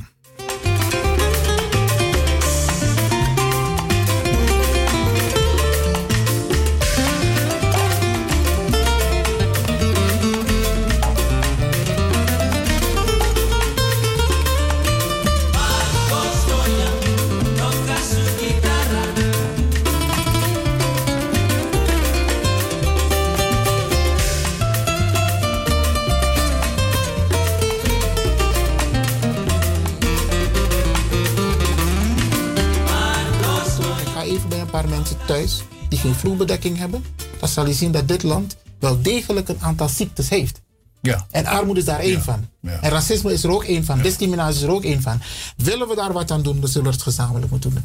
Wij kunnen niet constant blijven vechten en vechten tegen racisme en discriminatie. Wij hebben de Nederlandse samenleving nodig. We hebben het onderwijssysteem nodig. Ook de universiteiten. ook de mensen op de sleutelposities. Snap je? We hebben het kader nodig. Maar ja, tegelijkertijd hebben we een systeem eh, gecreëerd en in stand gehouden. Waarbij nu op dit moment, volgens alle onderzoeken, 1% van de wereldbevolking evenveel heeft als 99% van de rest. Kijk, dat is natuurlijk een, een systeem dat kan niet zonder racisme. Je moet op de een of andere manier dat kunnen ehm, eh, legitimeren. En zeggen, ja, die 1% dat komt omdat die mensen nou veel beter zijn... veel begaafder en veel intelligenter. En die 99%, ja... Maar dat is de beeldvorming die ook wordt neergezet. Alsof die ene procent, of dat, dat- percentage inderdaad zo is. Ja. Want er wordt ook een beeld geschapen over Afrika, armoede en noem maar op.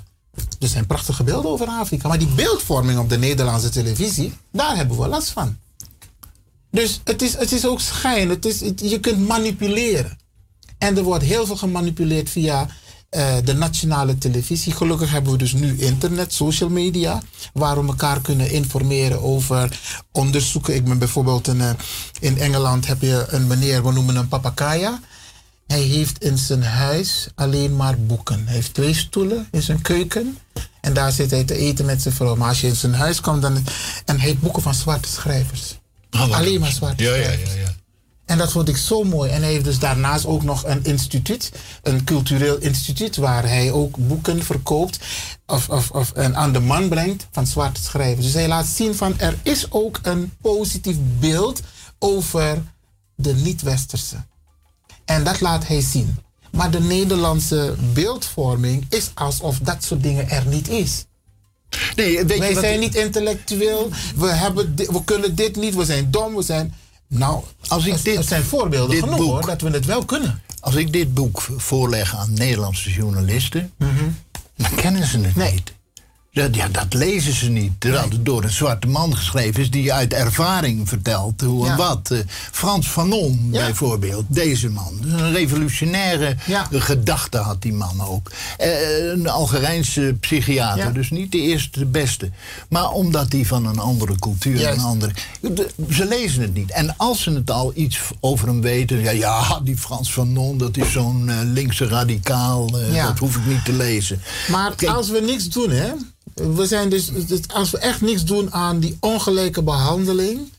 En, en racisme en discriminatie. Dan werken we gezamenlijk aan een, een tijdbom. En Dat die denk gaat, jij. een keer, die gaat een keer exploderen. Want je kunt niet als Fort Europa alles hebben. Samen met het, het overige Westen, zoals Amerika, Canada en Australië. Dat je alles hebt. En de rest van de wereld die mag creperen. Je bent alleen maar aan het zuigen, wegzuigen. Ik, ik heb het ook een keer gezegd hoor. Ik zeg, moet je luisteren. In België wordt eens in de zoveel tijd zo'n tennis toernooi georganiseerd.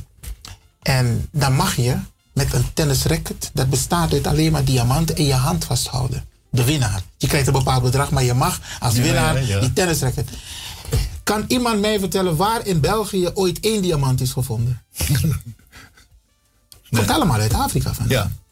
Dus wat ik hiermee wil aangeven is van Europa willen ze gaan voor een duurzame aardbol, los van de milieueffecten die er nu zijn, maar ook de overige werelddelen ondersteunen, helpen ontwikkelen, zodat je ook niet die stromen hebt van mensen richting Europa op zoek naar economische vrijheid, want daar gaat het om. Het zijn, het, Ja, economisch overleven Ja, zelfs. Het is ja, niet alleen is- vrijheid, maar snap je? het zijn is- mensen in diepe, diepe armoede. Ja. En dat zijn steeds grotere groepen. We hebben het niet maar hoe over... komt dat?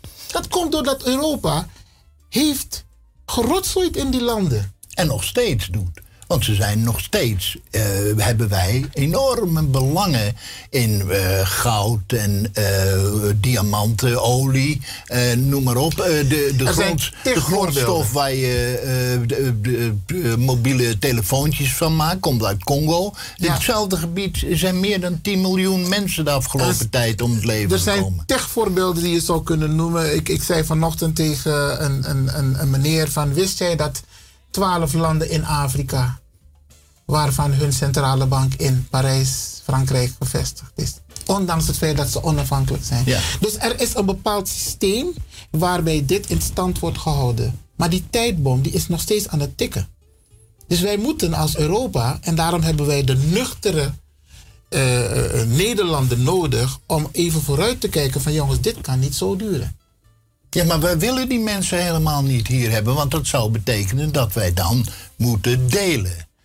En het kapitalisme is, je kunt er veel van zeggen, maar niet dat het een systeem Mag ik, mag is ik om reageren te op die opmerking? We willen de mensen hier niet hebben, want Nee. we willen niet delen. Nee. Zal ik het anders zeggen? De mensen komen halen, die willen eigenlijk komen halen wat van hun is gestolen. Ja. Kijk maar naar het cultureel erfgoed. Ik ben naar Parijs geweest, naar de Louvre. Dat zit vol met gestolen culturele eh, eh, eh, archieven van Afrika. In Amerika ook. Hoe komt het daar allemaal? Dus het is niet zo dat de mensen hier komen stelen.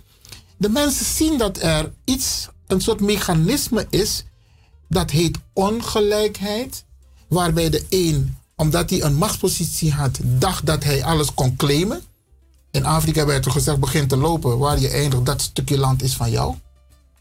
In Afrika heb je trouwens ook landen waar je Duits spreekt, Spaans spreekt, Frans spreekt, Nederlands spreekt, Engels Portugees. spreekt, Portugees. Hoe kan dat? Ja. Snap je? Dus wil men Europa, zeg maar, eh, behouden, dan zal je ook je hand moeten uitsteken naar de rest van de wereld. Want anders komen de mensen hier massaal naartoe. Ja, en je kunt niet je hele. le- eh, Trump stuurt nu 5000 of 5 500, 5000 men- militairen naar de grens. Hoe lang gaat hij dat kunnen volhouden? Je moet ervoor zorgen dat de omliggende landen, dat daar ook ontwikkeling is, ontstaat. Ga met de overheden praten. Wat kunnen we doen voor elkaar? Zodat de mensen hier een economisch bestaan kunnen opbouwen. Hetzelfde met Afrika. Ik maak me zorgen om al die, die lijken van mijn broeders en zusters die dagelijks aanspoelen aan de kust van Portugal, Italië, Spanje. En, en die zijn geen eens meer nieuws. Nee. Dat is normaal geworden. Ja, zoals wij nu hier zitten te praten, spoelen de lijken aan. Ja. En dan, hoe lang willen we dit nog zo volhouden? Dat, dat staat toch een moment... Zolang we het niet hoeven te zien. Ja, maar die bom, die tijdbom, die tikt nog steeds. Ja. En op een gegeven moment gaat het exploderen. En terwijl we nu alle ruimte hebben, en het gaat heel goed met de economie in Europa, los van het feit dat sommige landen het een beetje moeilijk hebben, maar met Nederland gaat het goed. Snap Ja, je? Met de rijken in Nederland. Want als jij uit het systeem bent gewerkt, hè, aan de onderkant van de Nederlandse samenleving zit, Mhm. word je alleen maar armer. En heb je alleen maar te doen wat de bazen je vertellen. Ja, dat klopt. Maar dat is micro. Maar waar ik, waar ik het nu over heb, is, is, is toch macrobeleid van, van Nederland. Dat je dus vanwege jouw, jouw Nederland heeft een machtige positie in Europa, maar ook in de rest van de wereld. Nederland kan het, het, het, het voortouw nemen om in overige eh, werelddelen mee te helpen om die op. Maar op dit moment dat wij nu praten, is- is minister Bot, zoals ik in de Telegraaf vanochtend, die zit ergens in Afrika om de mensen daar te vertellen dat ze niet naar het noorden moeten komen. Want dat het, als ze hier naartoe komen, dan worden ze teruggestuurd en ze worden, eh, de, de reis op zich is al vernietigend voor hun, want onderweg worden ze beroofd of vermoord of wat dan ook. Niet om die mensen te vertellen, we gaan samen met jullie hier proberen de zaak op te bouwen, Ja. zodat jullie niet meer gedwongen worden om naar het noorden te komen. Weet je, kijk, ehm, er zijn zoveel dingen waar we over kunnen praten. Ehm Stef Blok maakt één grote fout.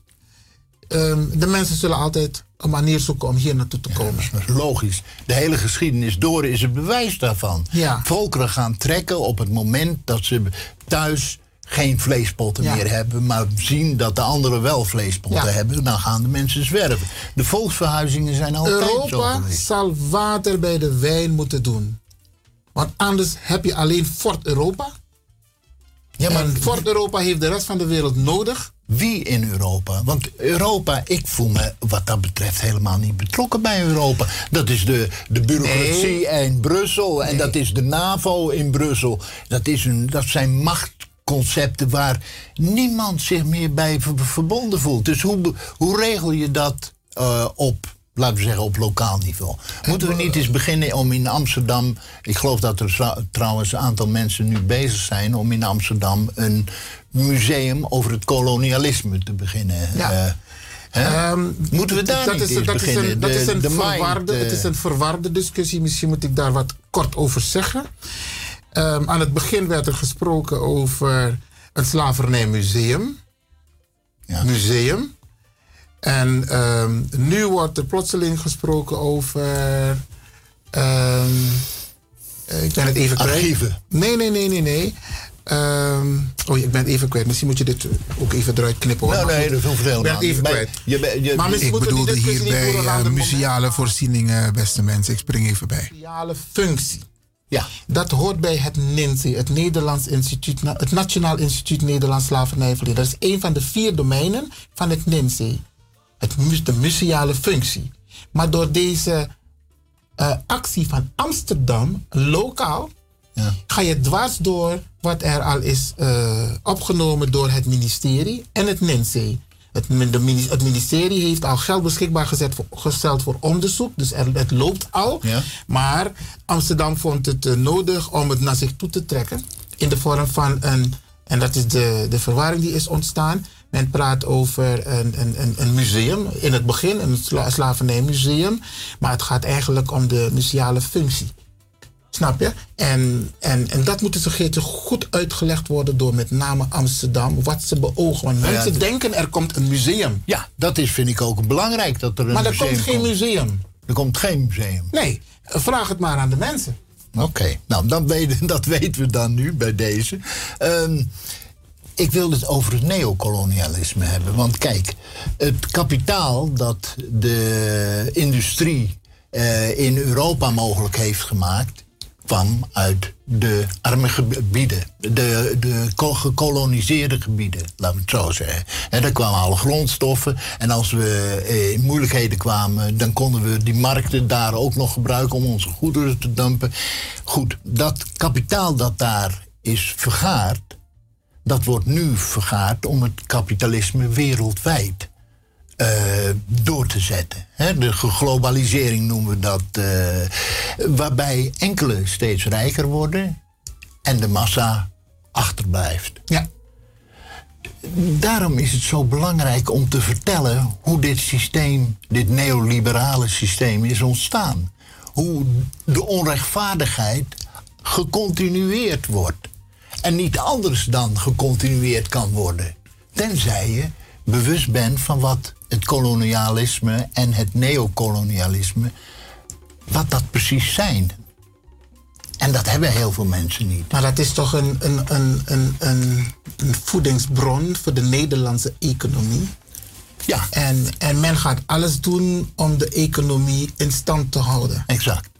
En dus uit, eh, op dezelfde repressie, dezelfde uitbuiting zoals we die al 500 jaar kennen. Ja. En wat krijg je dan? Als je dat niet goed aan mensen weet uit te leggen, dan krijg je, als je het over de Zwarte Pieten discussie hebt, krijg je meteen de woedende reacties eh, van hoe haal je het in ons hoofd om ons de schuld te geven van eh, het kolonialisme. Wij zijn onderdeel van het hele kolonialisme. Ja, en daarom denk ik dat het, het goed is, laten we beginnen bij het onderwijs. En niet alleen het onderwijs, maar ook wat geef je de peuters mee, wat geef je de kleuters mee. Aan het begin van hun ontwikkeling. Snap je? En ik denk dat ehm, het ministerie van Onderwijs daar een hele belangrijke schakel is. Niet voor niets hebben we ook vanuit, eh, want we praten nu over het decennium voor mensen van Afrikaanse afkomst, de Decade for People of African Descendants. De Verenigde Naties heeft gezegd, we kiezen tien jaren om de positie in alle landen met name Afro-mensen te verbeteren. Dat wil zeggen op het gebied van onderwijs, huisvesting, ehm, ehm, sociaal-maatschappelijk betrokken, politiek. Moeten we een aantal, moeten we een, nationaal actieplan maken waarin aan, wo- aan wordt gegeven dat we de positie gaan verbeteren.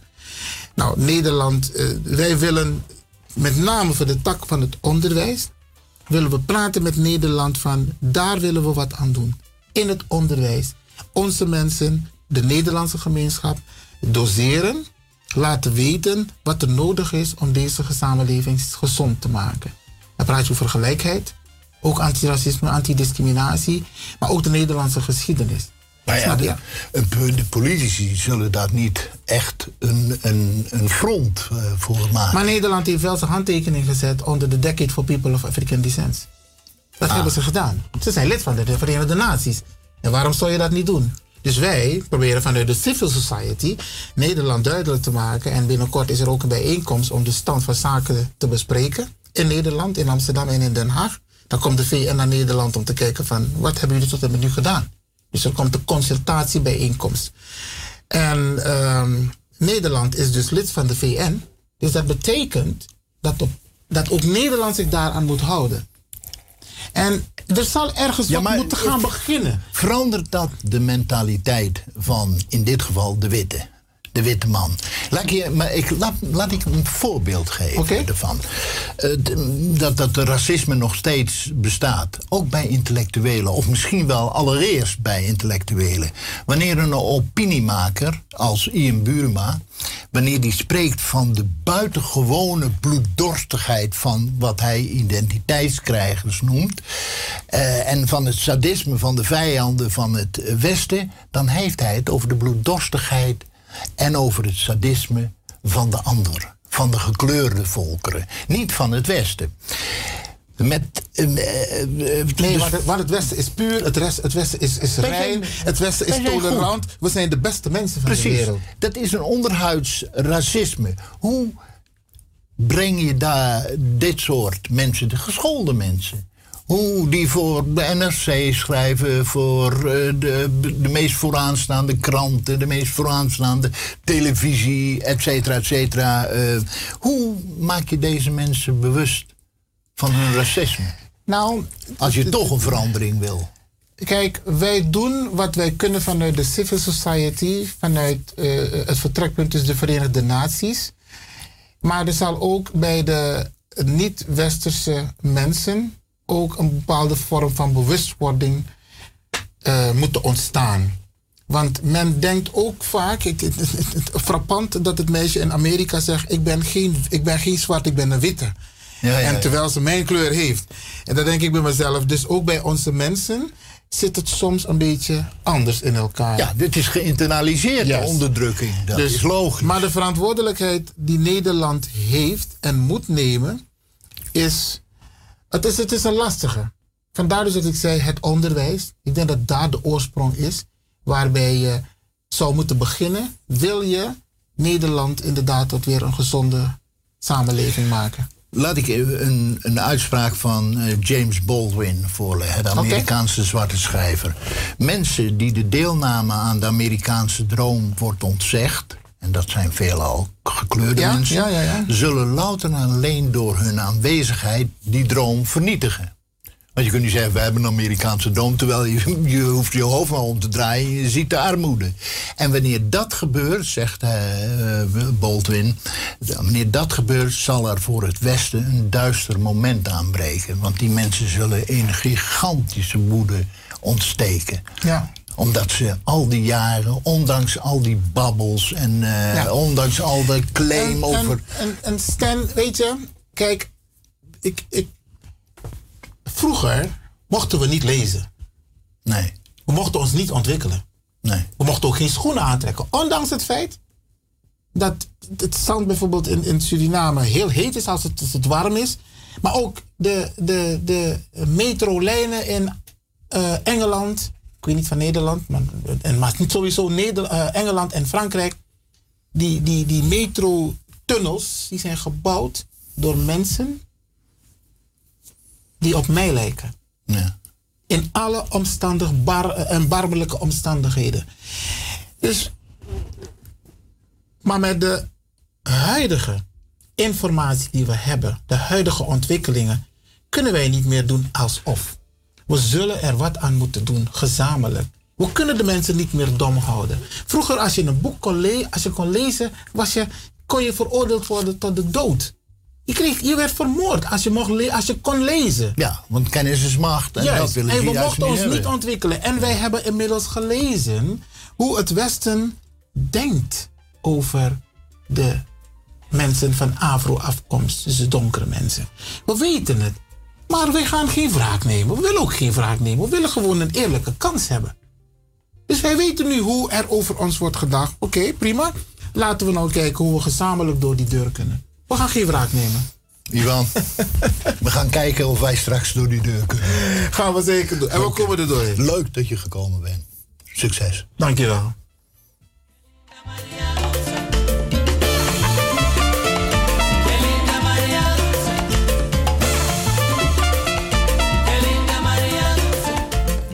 Sten van Houke in gesprek met Ivan Levin over racisme en discriminatie, waarbij een aantal onderwerpen aan de orde zijn geweest, beste mensen.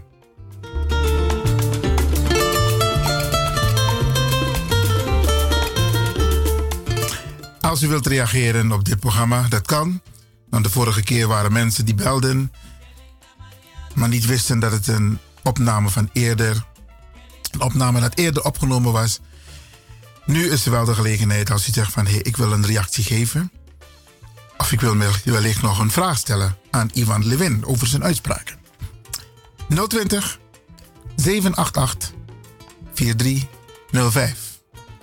020 788 4305. Dan komt u in de uitzending hier bij Radio de Leon.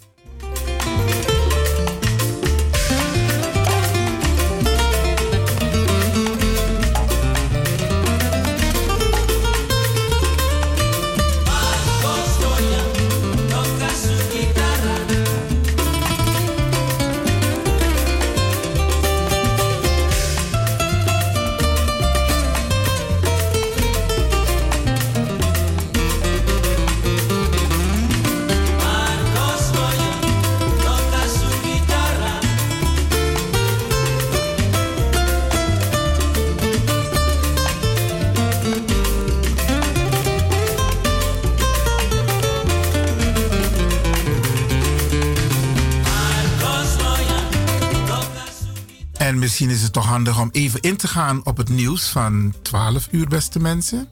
Of het nieuws van de ochtend. Waarbij gemeld wordt dat de Duitse overheid, de Duitse regering, haar schepen niet meer beschikbaar zal stellen in de Middellandse Zee. En ik weet niet of u. Ik weet zeker dat u het ook hebt gehoord in het interview met Stan. Waarin ik het heb gehad over dit moment waarop u nu zit te luisteren dat er nog steeds lichamen aanspoelen van mensen die proberen de overtocht te maken van het noorden van Afrika naar Zuid-Europa voor een beter bestaan. En er zijn vaak genoeg van die boten die kapseizen, beste mensen.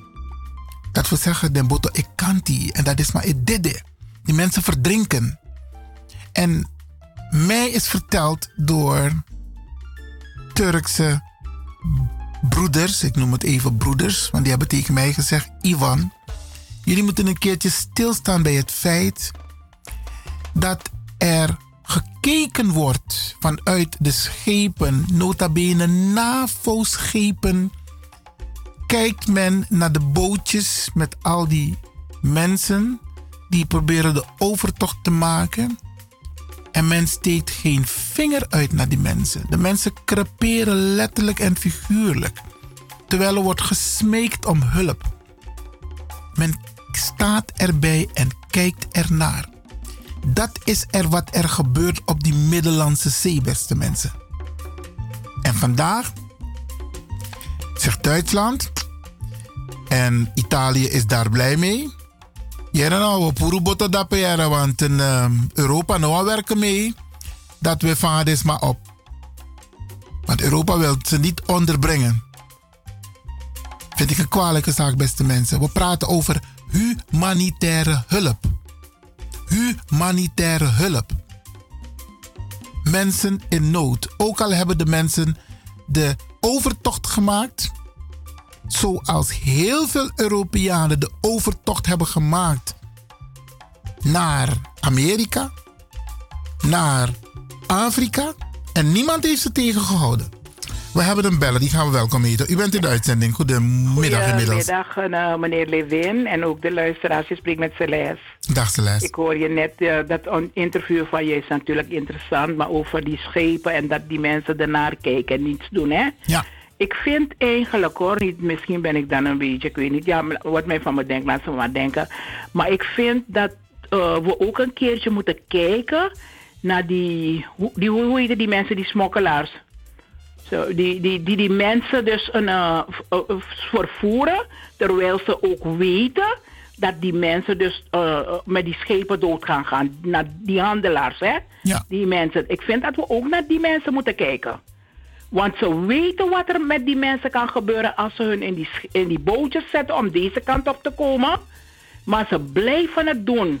En dus ze persen die mensen hoeveel geld af en ze behandelen die mensen ook slecht. Dus we moeten ook daarop een keertje focussen, vind ik. Ja, helemaal gelijk. Boeien, Dat dat ook moet gebeuren. Ja. Maar ik leg de nadruk op met name het rijke Westen, met name Europa. Die alle Ja, dat mogelijkheden is- dat bezit. Europa Hm? bezit alle mogelijkheden om de mensen humanitair op te vangen. We hebben internationale verdragen met elkaar afgesproken dat we voor elkaar en met elkaar zullen zorgen. En we staan erbij en kijken ernaar. Dat vind ik vreselijk. Maar goed, bedankt Ja, voor uw bijdrage, Maar ze hebben ook een, eh, tegelijk ook een heleboel mensen ook al opgevangen. Niet op een goede manier natuurlijk, want ze komen ergens van mee in, in Italië. Ja. Waar ze daar ook niet goed worden behandeld. Maar die, die smokkelaars, die mensen dus, eh, of smokkelaars, hoe ze heten. Die die Afrikanen daar zogenaamd eh, door de woestijnen brengen. Ze gaan dood. Vervolgens ze in een boot zetten om dan te verdrinken dat moet ook ophouden, vind ik hoor. Ik vind daar, daar zit het probleem ook. Want die Afrikanen weten het. Ze hebben zoveel films, ze hebben veel lijken teruggebracht. Maar het, het helpt niet, ze blijven komen. Maar nee, deze mensen vind ik echt, die moeten echt ermee ophouden hoor. Sorry. Uw punt is duidelijk. Bedankt voor de bijdrage, Celeste. 020 788 4305. 788 4305. Als u wilt reageren op het programma en op wat er op dit moment wordt gezegd. Kijk, beste mensen. Er zijn gelukkig ook via social media beelden te zien, foto's te zien, cartoons, tekeningen. Niemand heeft Europa tegengehouden toen zij naar de diverse landen eh, eh, gingen om te roven. Integendeel werden ze zelfs als koningen behandeld. Sommigen hoefden nooit hun bagage te dragen. Ze werden zelfs gedragen. Isabi. En het omgekeerde vindt nu plaats. Niet op die manier, maar we hebben de volgende bellen. Die ga ik ook welkom heten. Een goedemiddag. U bent in de uitzending. Ja, goedemiddag met mevrouw Smit. Dag mevrouw Smit, zegt u het maar. Ja, ik wou zeggen, eens had Europa ook geen vrede. Ze zijn de hele wereld rondgereisd om eten te zoeken. Ja. En ze hebben ons land leeggeroofd.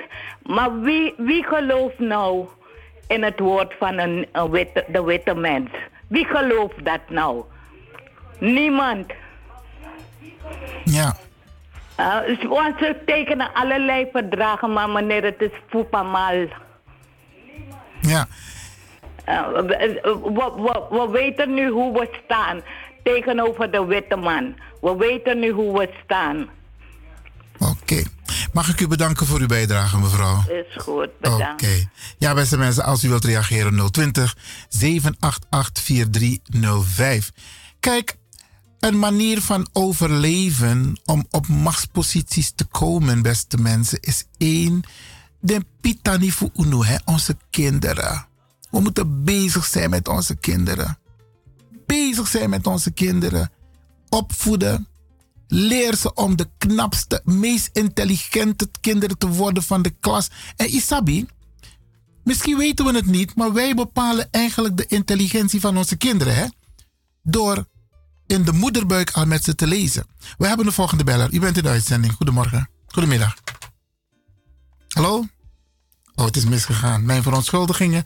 U kunt even terugbellen hoor. 020 788 4305. Ja, beste mensen, wat wij moeten doen, we moeten onze kinderen zodanig opvoeden dat ze iets kunnen betekenen in deze maatschappij. En we moeten ze ook leren die economische onafhankelijkheid. Dus we moeten ons eigen ding doen. Minister, ik volg een documentaire onlangs op televisie waar 14-jarigen al een eigen bedrijf hebben, gestimuleerd door mama en door papa. Dat kunnen wij ook, beste mensen. U bent in de uitzending. Goedemorgen. Goedemiddag. Goedemiddag, heer Iwan Lewin. Meneer Banansi, zegt u het maar. Ja, Eh 100% eens met die mevrouw die het had over eh, dat eh, de mensen handelaren aangepakt moeten worden. Want die, die verdienen aan de overtocht. En ze hebben niet, kijk hoeveel, hoe, hoeveel boten gezonken zijn. En die Turkse man die jou heeft aangesproken eh, qua het feit dat eh, ze kijken naar die, die gammele bootjes en steken hun handen niet eh er naar uit. Als, hij mij dat had gezegd, dan zou ik hem antwoorden van, hé, hey, chef, luister eens. Jij bent eh, islamitisch, jij bent Turk, jij bent islamitisch. En daar waar de mensen Afrika verlaten, is Libië. En Libië is ook islamitisch. En anno slavernij is geweest. In de, nou ja, ze zeggen moderne slavernij is er nog. Maar nu, anno 9, 2000, 2019, is er nog slavernij daar in Libië. Ze onderdrukken de mensen die daar aankomen voordat ze ze op de boten zetten. Dus eh, dat is ook niet goed, eh, islamitische mensen. Gaan jullie daar ook iets aan doen? Oké. Oké, Iwan, ik hou het hierbij. Ja, bedankt eh, voor je bijdrage, meneer Balanzi. We hebben de volgende beller en die ga ik natuurlijk ook welkom heten. Goedemiddag, u bent in de uitzending. Even kijken hoor. Dus de persoon hangt nog. We gaan het nog een keer proberen.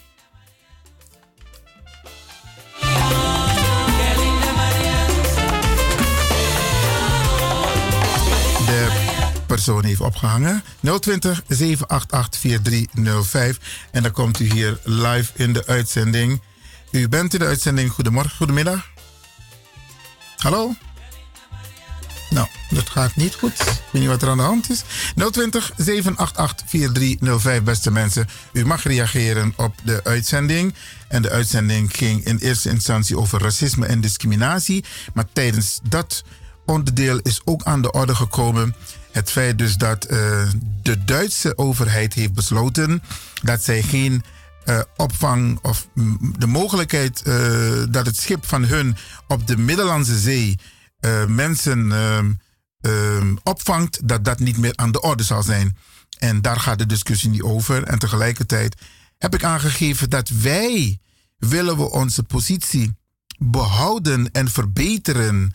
Dat wij beginnen met onze kinderen door hun goed op te voeden, hun intelligent te maken. En dat begint al in de moederbuik. Isabi, u de umas ma unu. De de ching ina mek de tak sweetie, mek leer den sanikba. Je kunt de kinderen al tafels leren, je kunt ze al woorden leren, ze horen je. En dan slaan ze dat op, beste mensen. Geef ze een voorsprong als het gaat om die algemene ontwikkeling. En dat kunnen wij al doen. En als onze kinderen op school zijn, moeten we met ze bezig zijn door hun te stimuleren, met hun te praten. U bent in de uitzending. Goedemorgen, goedemiddag. Ik wil u vragen om die nummers niet zo vlug te noemen, want je moet een pen pakken als je het moet schrijven. Maar u bent nu aan de ik ben lijn. een dame heel ver van u. Oh, tante Loes, hoe gaat het met u? Nou, als je naar die stem luistert, Iwan, ik heb al langer als een maand griep. Ik heb pret niet zo gehad, het wil gewoon niet helpen. Hmm. Maar toch wil ik straks even Abu de stoepen toe, want de jongeren hier, die zien dat niet. Ja. Maar om een lang verhaal kort te maken. Iwan, ik heb geluisterd ook naar jou en die deskundige man die daar was. Ja. Maar ook wil ik je vragen om iedere keer de mensen uit te leggen, want ik krijg problemen hier en begrijp me soms niet.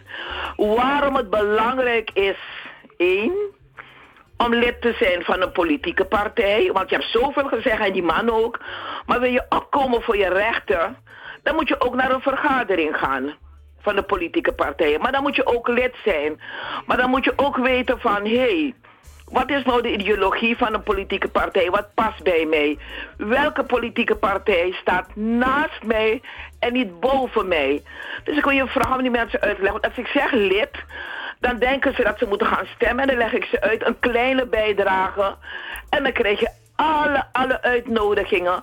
Dus zodat je kan zien wat er moet gebeuren en wat er gebeurt. Want de socialistische partijen hebben het best moeilijk gehad. Ja. Dus dat wil ik u vragen. En dan nog iets. Ik wil alle luisteraars groeten die naar je luisteren en zeggen tegen jou... Ga zo verder, je tante Loes is trots op je tamboe. Dankjewel, Tante Loes. Oké, ja, even over het feit dus dat wij ehm, politiek ehm, de mensen moeten gaan informeren. Wij gaan daar een aantal programma's de komende tijd aan wijden, Tante Loes. Want we vinden het belangrijk dat wij mee moeten gaan met die politieke partijen die ons belang dienen. Als je kijkt naar de stemming in de Tweede Kamer, te Asan ik om onbelang, dan vraag je, ons, vraag je jezelf af: heb ik mijn stem voor die partij uitgebracht? En als het gaat om, kijk maar naar het kinderpardon. Is toch van de soorten een kind dat hier grootgebracht is. Sommige kinderen zijn hier geboren. Laat me het goed zeggen hoor. Laat me het goed zeggen. De kinderen die helemaal in de Nederlandse samenleving zijn opgenomen, die worden teruggestuurd. Is toch van de soorten, waar blijft je? Het gaat om humanitair beleid, hè, beste mensen. Ik heb het niet over andere dingen. Ik heb het over Nederland staat voorop Tassanego om humanitair beleid in het buitenland. Maar Tassanego om in Nederland, dan laat men het afweten. Dat zijn het de politieke partijen die zeggen: ja, we hebben een regeerakkoord. Beste mensen, een wet. In elke wet is er een clausule opgenomen om dingen te kunnen veranderen. Om regelingen, wetten te kunnen veranderen. Om mensen de gelegenheid geven op basis van de wet een ander besluit te nemen. Er is een heel mooi woord daarvoor. Dus beste mensen, ik vind, en ik denk u ook, dat wij Nederland echt de verantwoordelijkheid moeten voorleggen en, en zeggen tegen ze dat als het gaat om het humanitair beleid. Ik hoorde laatst zeggen: ja, Nederland gaat twintig van die mensen opnemen. Beste mensen, het gaat om honderden mensen. En natuurlijk, Bananti heeft gelijk, Celeste heeft gelijk. En die andere mevrouw die zeggen: van luister, we moeten ook beginnen bij die, bij die, die mensensmokkelaars. Maar beste mensen, je kunt niet staan kijken en kijken hoe mensen doodgaan. Dat is een crime, beste mensen. Is een crime. En natuurlijk moet je die ronselaars, die smokkelaars aanpakken. Maar toekijken hoe mensen doodgaan. En met Banansi heb gelijk. Ik heb maar een klein deel verteld van wat hij tegen me heeft gezegd. Maar Mitekenski ook toeging. Dat die Arabieren niet mals waren. En nog steeds niet mals zijn tegenover mensen van Afrikaanse afkomst. Want soms als je hoort dat kinderen zijn verdwenen. Dan zijn ze ook ergens in Arabië verkocht. Ja, beste mensen. Er is heel veel te vertellen. Maar ik kijk even omdat in Nederland, hoe we onze kinderen hier een onderdeel kunnen laten zijn van deze maatschappij door ze scholen, door ze te begeleiden, door ze die borging, die veiligheid te geven. Handen af van die meisjes, handen af van de jeugd. Isabi? Maar we moeten ze die borging geven, die veiligheid. We moeten ze begeleiden. We moeten ervoor zorgen dat zij beter worden zoals wij zijn. En dat is wel een verantwoordelijkheid die wij moeten nemen hand in eigen boezem. Het is heel veel, beste mensen. Er komt heel veel bij kijken. Maar jullie op dit moment, want uh, ik zie al dat er uh, zo meteen Radio Hulde gaat overnemen. En um, ik hoop dat u in elk geval hebt genoten. Of dat de boodschap is overgekomen. En nogmaals, beste mensen, als u naar mijn Facebook gaat, kunt u dit programma van uh, het interview opnieuw beluisteren. Ik heb het op mijn Facebook geplaatst. Ook op Facebook van Radio de Leon. Dus daar kunt u het ook opnieuw beluisteren en goed analyseren. Er is nogal wat gezegd in deze uitzending, beste mensen, in dit interview. Dus uh, neem het rustig tot u door en houd het niet voor uzelf. Praat met uw kinderen. Praat over de toekomst van hun. Isabi, hoe zien ze hun positie in dit land? Want met Taknawa Losserasma, die al gepensioneerd zijn, maar ze gaan niet terug, omdat er geen zekerheid is. Dus men blijft hier. Men wil hier een goede toekomst hebben. Maar onze kinderen en kleinkinderen moeten ook een goede uitkomst, toekomst hier hebben, beste mensen. We gaan dit onderdeel beëindigen. Helaas is er geen ruimte meer om uh, uh, te bellen. Dus uh, ik ga u bedanken voor dit onderdeel.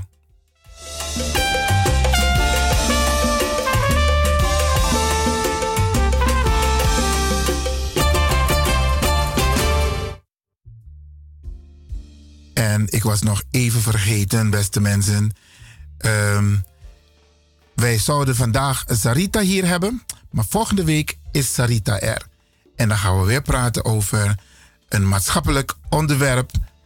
Die heel veel mensen meemaken. Vorige keer hebben het gehad over racisme, uh, narcisme, depressiviteit, eenzaamheid. En um, volgende week hebben we weer een prachtig onderwerp met Sarita Debi Tewai.